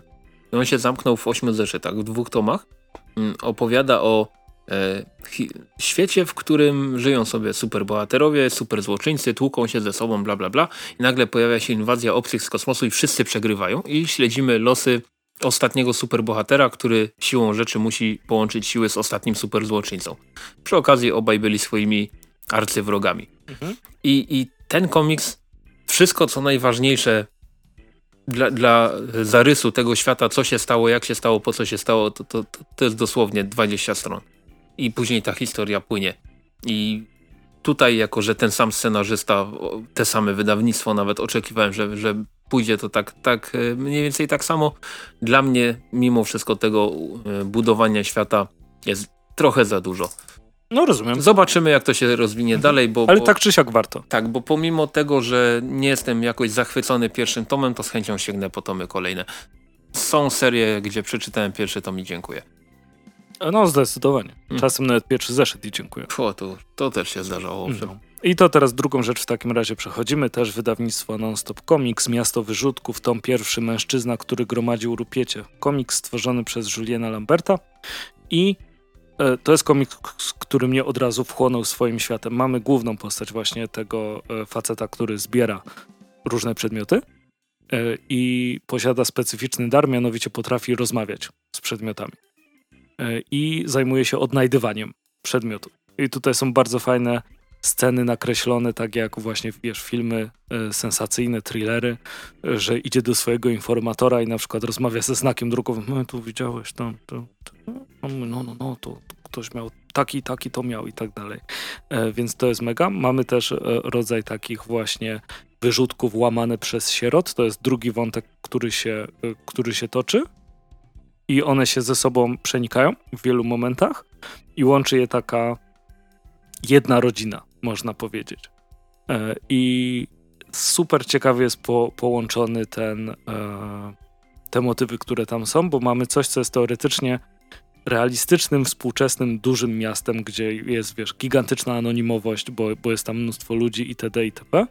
Nazwa miasta nie jest podana, bo podobno wszyscy ją zapomnieli i określają to jako miasto wyrzutków, ale to, że jest wpleciona taka absurdalna magia, można powiedzieć. Właśnie, że ktoś rozmawia z przedmiotami. Albo już na samym początku i zresztą na okładce widzimy gościa, który wygląda trochę jak boj hotelowy, ale jest trochę muchą i. Yy, I... Aha. I zaczynasz się wkręcać w ten świat narysowany piękną taką frankofońską kreską, chyba jedną z moich e, ulubionych, jeśli chodzi o styl tworzenia postaci, czyli jest kreskówkowa, ale nie, nie uroczo kreskówkowa. Wie, wie, wiesz o co chodzi? Mhm. E, to jak główny bohater wygląda z tymi paskami w stylu, wiesz, e, Norman Osborn, te sprawy na głowie. Mhm. E, mega, mega fajny klimat. E, całość utrzymana właśnie w takich mocnych kolorach, można by powiedzieć. Błękit, zieleń i tak dalej, i tak dalej. E, wykorzystane właśnie to, że e, on rozmawia z tymi przedmiotami, później są różni, różne silne osoby, e, które się pojawiają. Super. Wszystko jest tak naprawdę tutaj e, bardzo fajnie zrobione i ten komiks tak strasznie mnie wciągnął. W sensie cieszyłem się już jakby w trakcie czytania go. Nie, że tak e, są zrywy, jak, na przykład w kodzie, nie? Że, że czytasz, czytasz, ciekawe, ciekawe i nagle zryw, że o, o tu się coś wydarzyło i tak dalej. E, miasto wyrzutków jest na równym poziomie, który zawsze jest spoko. Zachwycony jestem tym komiksem. Bardzo mi się podobał fajny właśnie taki mm, kreskówkowy dreszczowiec, bym powiedział. Na, naprawdę fa fajna rzecz. Brzmi ciekawie, no. Więc co, polecam? Ekstra. O, to bardzo. Jak, jak I to jest e, dwa tomy. Dwa tomy. No. Drugi maj. No i tak? Mm, chyba tak. Maju. Jakoś tak. Jakoś tak. By, było wspomniane wcześniej. To w, w drugim kwartale na pewno. Tak jest. Mm. Tak jest. Natomiast y, ostatni komiksik na dzień dzisiejszy, powiedz mi, czy ty go czytałeś, czy ty go dopiero przeczytasz? Czytałem połowę po angielsku. Mm -hmm. Czyli pewne rzeczy będę mógł powiedzieć. Dobrze, no jest y, nie, nie, przez wielu przez wiele osób określony już komiksem roku, chociaż mamy połowę lutego, drugą połowę lutego, czyli Mr. Miracle z wydawnictwa Egmont, y, Egmont Polska. Mm. Tom King Mitch Gerac, mam nadzieję, że tak się czyta to nazwisko, e, czyli no naprawdę ciekawy zestaw twórców. No to Makinga kojarzymy z bardzo fajnego Visiona, znaczy bardzo fajnego, ze znakomitego Visiona, myślę, że tak można śmiało powiedzieć. No i może z nie tak, do, nie tak znakomitego e, Batmana, prawda? no, De ale on delikatnie jeszcze... mówiąc. Co, co, to było? Chyba z Detective Comics, z Anuala ta historia? Za coś dostał Eisnera, Tak, nie? tak, dostał Eisnera za, za krótką, um, krótką formę. Um, w Stanach Tom King, no, no Omega Man będzie w Polsce w tym roku. E, Sheriff of Babylon. Cały czas mam wrażenie, że prędzej czy później Egmont po to sięgnie. No i e, Heroes, of, Heroes in Crisis, ale to, to też dostaniemy po polsku prędzej czy później. Wydaje mi się, że wiele osób będzie rozczarowanych tym tytułem. Ale na przykład Sheriff of Babylon bardzo fajne. No, to była super Bardzo fajne. No więc Wtedy było widać, że Tom King był agentem CIA. Oj tak, i w Graysonie też to było widać. Tak, no w Graysonie faktycznie. W Graysonie też to no, było No, no, no. No i w końcu dostajemy Mr. Miracle. No więc kolejny raz Tom King bierze na tapet postać taką bardzo drugoplanową, bo Mr. Miracle nigdy nie był jakimś najważniejszym superbohaterem DC, pomimo tego, że otrzymał taki komiks, jaki otrzymał, wciąż nim nie jest i, i, raczej nie będzie, ale myślę, że i ty i ja lubimy, jak ktoś od czasu do czasu wyciągnie, za przeproszeniem, z tyłka jakąś postać, którą, która hashtag nikogo i robi z tego... O tym mi nie mów, że Mister Miracle nikogo, o nie, nie, nie, nie. Znaczy, dobra, ja, ja, ja wiem, nowi bogowie i ten, ale chodzi mi o jakąś postać z drugiego, trzeciego planu, nie, no wiem, o której, o, której, jasne, nabijam się. o której połowa osób nie wie, że w ogóle istnieje. Mm, no i robi z tą postacią komiks, który po prostu wy, wyrywa człowieka z butów. Mm, fabularnie ciężko powiedzieć tak w paru zdaniach y, o co, o co w tym komiksie chodzi, ale, ale spróbuję. No, całość rozpoczyna się od y, tego, że dowiadujemy się, iż Scott Free, czyli Mr. Miracle, próbował popełnić samobójstwo. I od tego momentu mm, historia rusza dalej. Z jednej strony do, mm, obserwujemy jego relację rodzinną z Big Bardą i mm, reakcję na to, że próbował uciec od, od śmierci, bo Mr. Miracle jest w końcu tym mistrzem ucieczek y, i z jednej strony do, obserwujemy właśnie historię rodzinną tej dwójki, z drugiej strony toczy się wojna pomiędzy nowymi bogami i Apokalips. Y, dowiadujemy się, że Darkseid wszedł w posiadanie równania antyżycia no i stał się w tym momencie, tak jak już był mega kozakiem, to teraz jest turbo mega kozakiem i, i e, wydaje się, że nowi bogowie mogą być przerąbane. Mm, I te dwa wątki się w komiksie cały czas splatają. Prowadzą do dla mnie bardzo satysfakcjonującego zakończenia. Tutaj nie będę mówił jak, jakie ono jest, wiadomo. E, natomiast podoba mi się, mega mi się podoba to jak ten komiks po pierwsze właśnie pokazuje tą, tą taką rodzinną, ludzką stronę. Mamy dwóch, dwoje ludzi, którzy zostali wychowani na Apokalips, czyli no było to bardzo nietypowe dzieciństwo, delikatnie mówiąc. No i zostali... Nietypowe babcie tam były Tak, też. tak, bardzo nietypowe babcie. E, I dowiadujemy się też o tym, jak, jak wyglądało to ich życie, jak ono rzutuje na ich e, życie obecne na, na ziemi. Nie wiem, czy w pierwszej połowie była ta była ta scena, jak sobie puszczali muzykę z radia. Aha, to, to, to, no, przecież to było, to było przerażające i cudowne zarazem, nie? Ta, ta scena. W ogóle Tom King bardzo fajnie, bardzo dużo rozpisał takich drobnych scen, które są po prostu wow w tym komiksie od początku do końca. A e, zadanie sobie postawił tym trudniejsze, bo większość stron to są dziewięciokadrowce. I to dziewięciokadrowce w takich mm, równych, równych, równych wymiarach te kadry są. Tutaj Mi Mitch Gerard. W sensie 3 na 3 e, Tak, 3 na 3 mamy trzy prostokąciki w, w, trzech, w trzech rzędach albo w trzech kolumnach, zależy jak na to patrzeć. I w kolumnach i w rzędach. tak jest. E, I, I tutaj zdecydowanie też wielki plus dla rysownika, że sobie poradził z tym znakomicie, że pomimo tej pozornej statyczności mm, poszczególnych stron, to komiks jest też niesamowicie dynamiczny.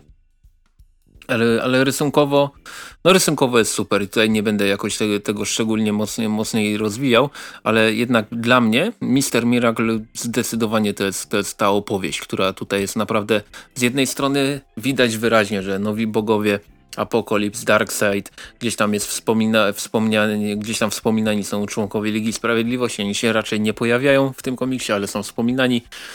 I, i mamy te, te trykociarstwo, te superbohaterstwo, tą wielką wojnę, która może odmienić losy świata na zawsze i w ogóle lasery z tyłka. Ale z drugiej strony mamy to takie właśnie te, te przyziemne czynności, wyjście z kimś na, na piwo, nie wiem, randka, sposób, sposoby w jaki e, główni bohaterowie podtrzymują swoje uczucie, żeby im życie, że tak to imię, nie spowszedniało, a jednocześnie starają się właśnie wygrać tą wojnę. No to wszystko zostało znakomicie zmiksowane jako taka historia, którą no, czyta się z autentycznym zainteresowaniem. Jak na komiks Marvel slash DC, to jest, to jest dla mnie wielka sztuka zrobić komiks, który tutaj jest 12 zeszytów w tym wydaniu, więc mamy jakieś 300, 300 stron razem z dodatkami. No, zresztą Chyba, chyba mam odpalone na gildii? Tak, 320 stron ma ten komiks. I to jest, no to jest dość sporo, zwłaszcza, że tam jest dość sporo czytania. To nie jest, to nie jest, nie wiem, body count od Non-Stop Comics czy, czy coś ten desen, gdzie się po prostu siekają. Tu jest i, i, i akcja, i spokojniej, i dużo dialogów, i, i, i kilka takich scen Mm, och, jedna scena z Darkseidem po prostu kupiła moje serce całkowicie. E, I, I, jeżeli chcecie zobaczyć, uwaga, spoiler, jeżeli chcecie zobaczyć jak Darkseid, Darkseid sobie wpiernicza warzywa z sosem, to musicie kupić ten komiks, ale nie tylko dlatego, ponieważ jest tu dużo więcej naprawdę znakomitych scen. Fajnie, fajnie, e, fajny pomysł wyjściowy w ogóle na ten, na ten komiks. E, fajnie poprowadzona ta historia. Ja może nie będę mm, mówił, że to jest mój komiks roku, zwłaszcza w momencie, gdy mamy połowę lutego. No ale myślę, że będzie ciężko jakiejś super bohaterszyźnie przebić Mister Miracle w tym roku. Chciałbym się mylić, ale, ale na pewno będzie trudno. Rysunkowo super, scenariuszowo super. Jeśli chodzi o y, jakość wydania, no to standardowe DC Deluxe jakieś tam e, warianty okładkowe w dodatkach, posłowie, którego mogłoby nie być. No, no tego typu standard, obwoluta, twarda oprawa i tak dalej. Mm, cena okładkowa tam jest chyba hmm, coś powyżej setki. 119? 119 zł. E, 119,99 dokładnie rzecz ujmując. Zdecydowanie warto. To jest jeden z... Jeżeli lubicie trykociarzy, superbohaterów, komiksy z Marvela i DC. Myślę, że zdecydowanie warto, ale trzeba brać pod uwagę to, że jeśli chodzi o poziom scenariusza, to jest to zdecydowanie bliższy, komiks bliższy Visionowi Toma Kinga niż Batmanowi Toma Kinga. I to trzeba brać pod uwagę. Jeżeli, e, jeżeli nie boicie się e, ambitniejszego superhero, to zdecydowanie jest to coś dla was. Dla mnie to jest też taki komiks, który mógłby spokojnie ukazać się w jakimś innym wydawnictwie niż Marvel DC, bo pomimo tego, że jest to taka superbohaterszyzna, mimo wszystko jednak, są tam superbohaterowie, trykoty i tak dalej, to ta, ta, ta, ta opowieść się broni na tyle, na tyle dobrze, że gdyby ją odrzeć z tej superbohaterskości, to wciąż by był naprawdę świetny komiks. No i cóż, i oby w DC Deluxe było takich pozycji jak najwięcej. Trzymam kciuki też, żeby Strange Adventure, e, Adventures Toma Kinga, Mitcha Gerardsa i e, Ivana Shanera wyszło co najmniej tak samo dobrze. Byłbym wtedy naprawdę zadowolony. No i co? To będzie na, na dzisiaj wszystko. Tak, słyszymy się dwa tygodnie po Rumi. Tak. Zna, słyszymy się za dwa tygodnie i będziemy po Rumi. Tak jest. I, I co? I słyszymy się. Dzięki, że słuchaliście. Dawajcie znać. Odpowiadamy na większość. Odpowiadamy, myślę, na wszystkie rzeczy, e, które dostajemy. Trzymajcie się. Cześć.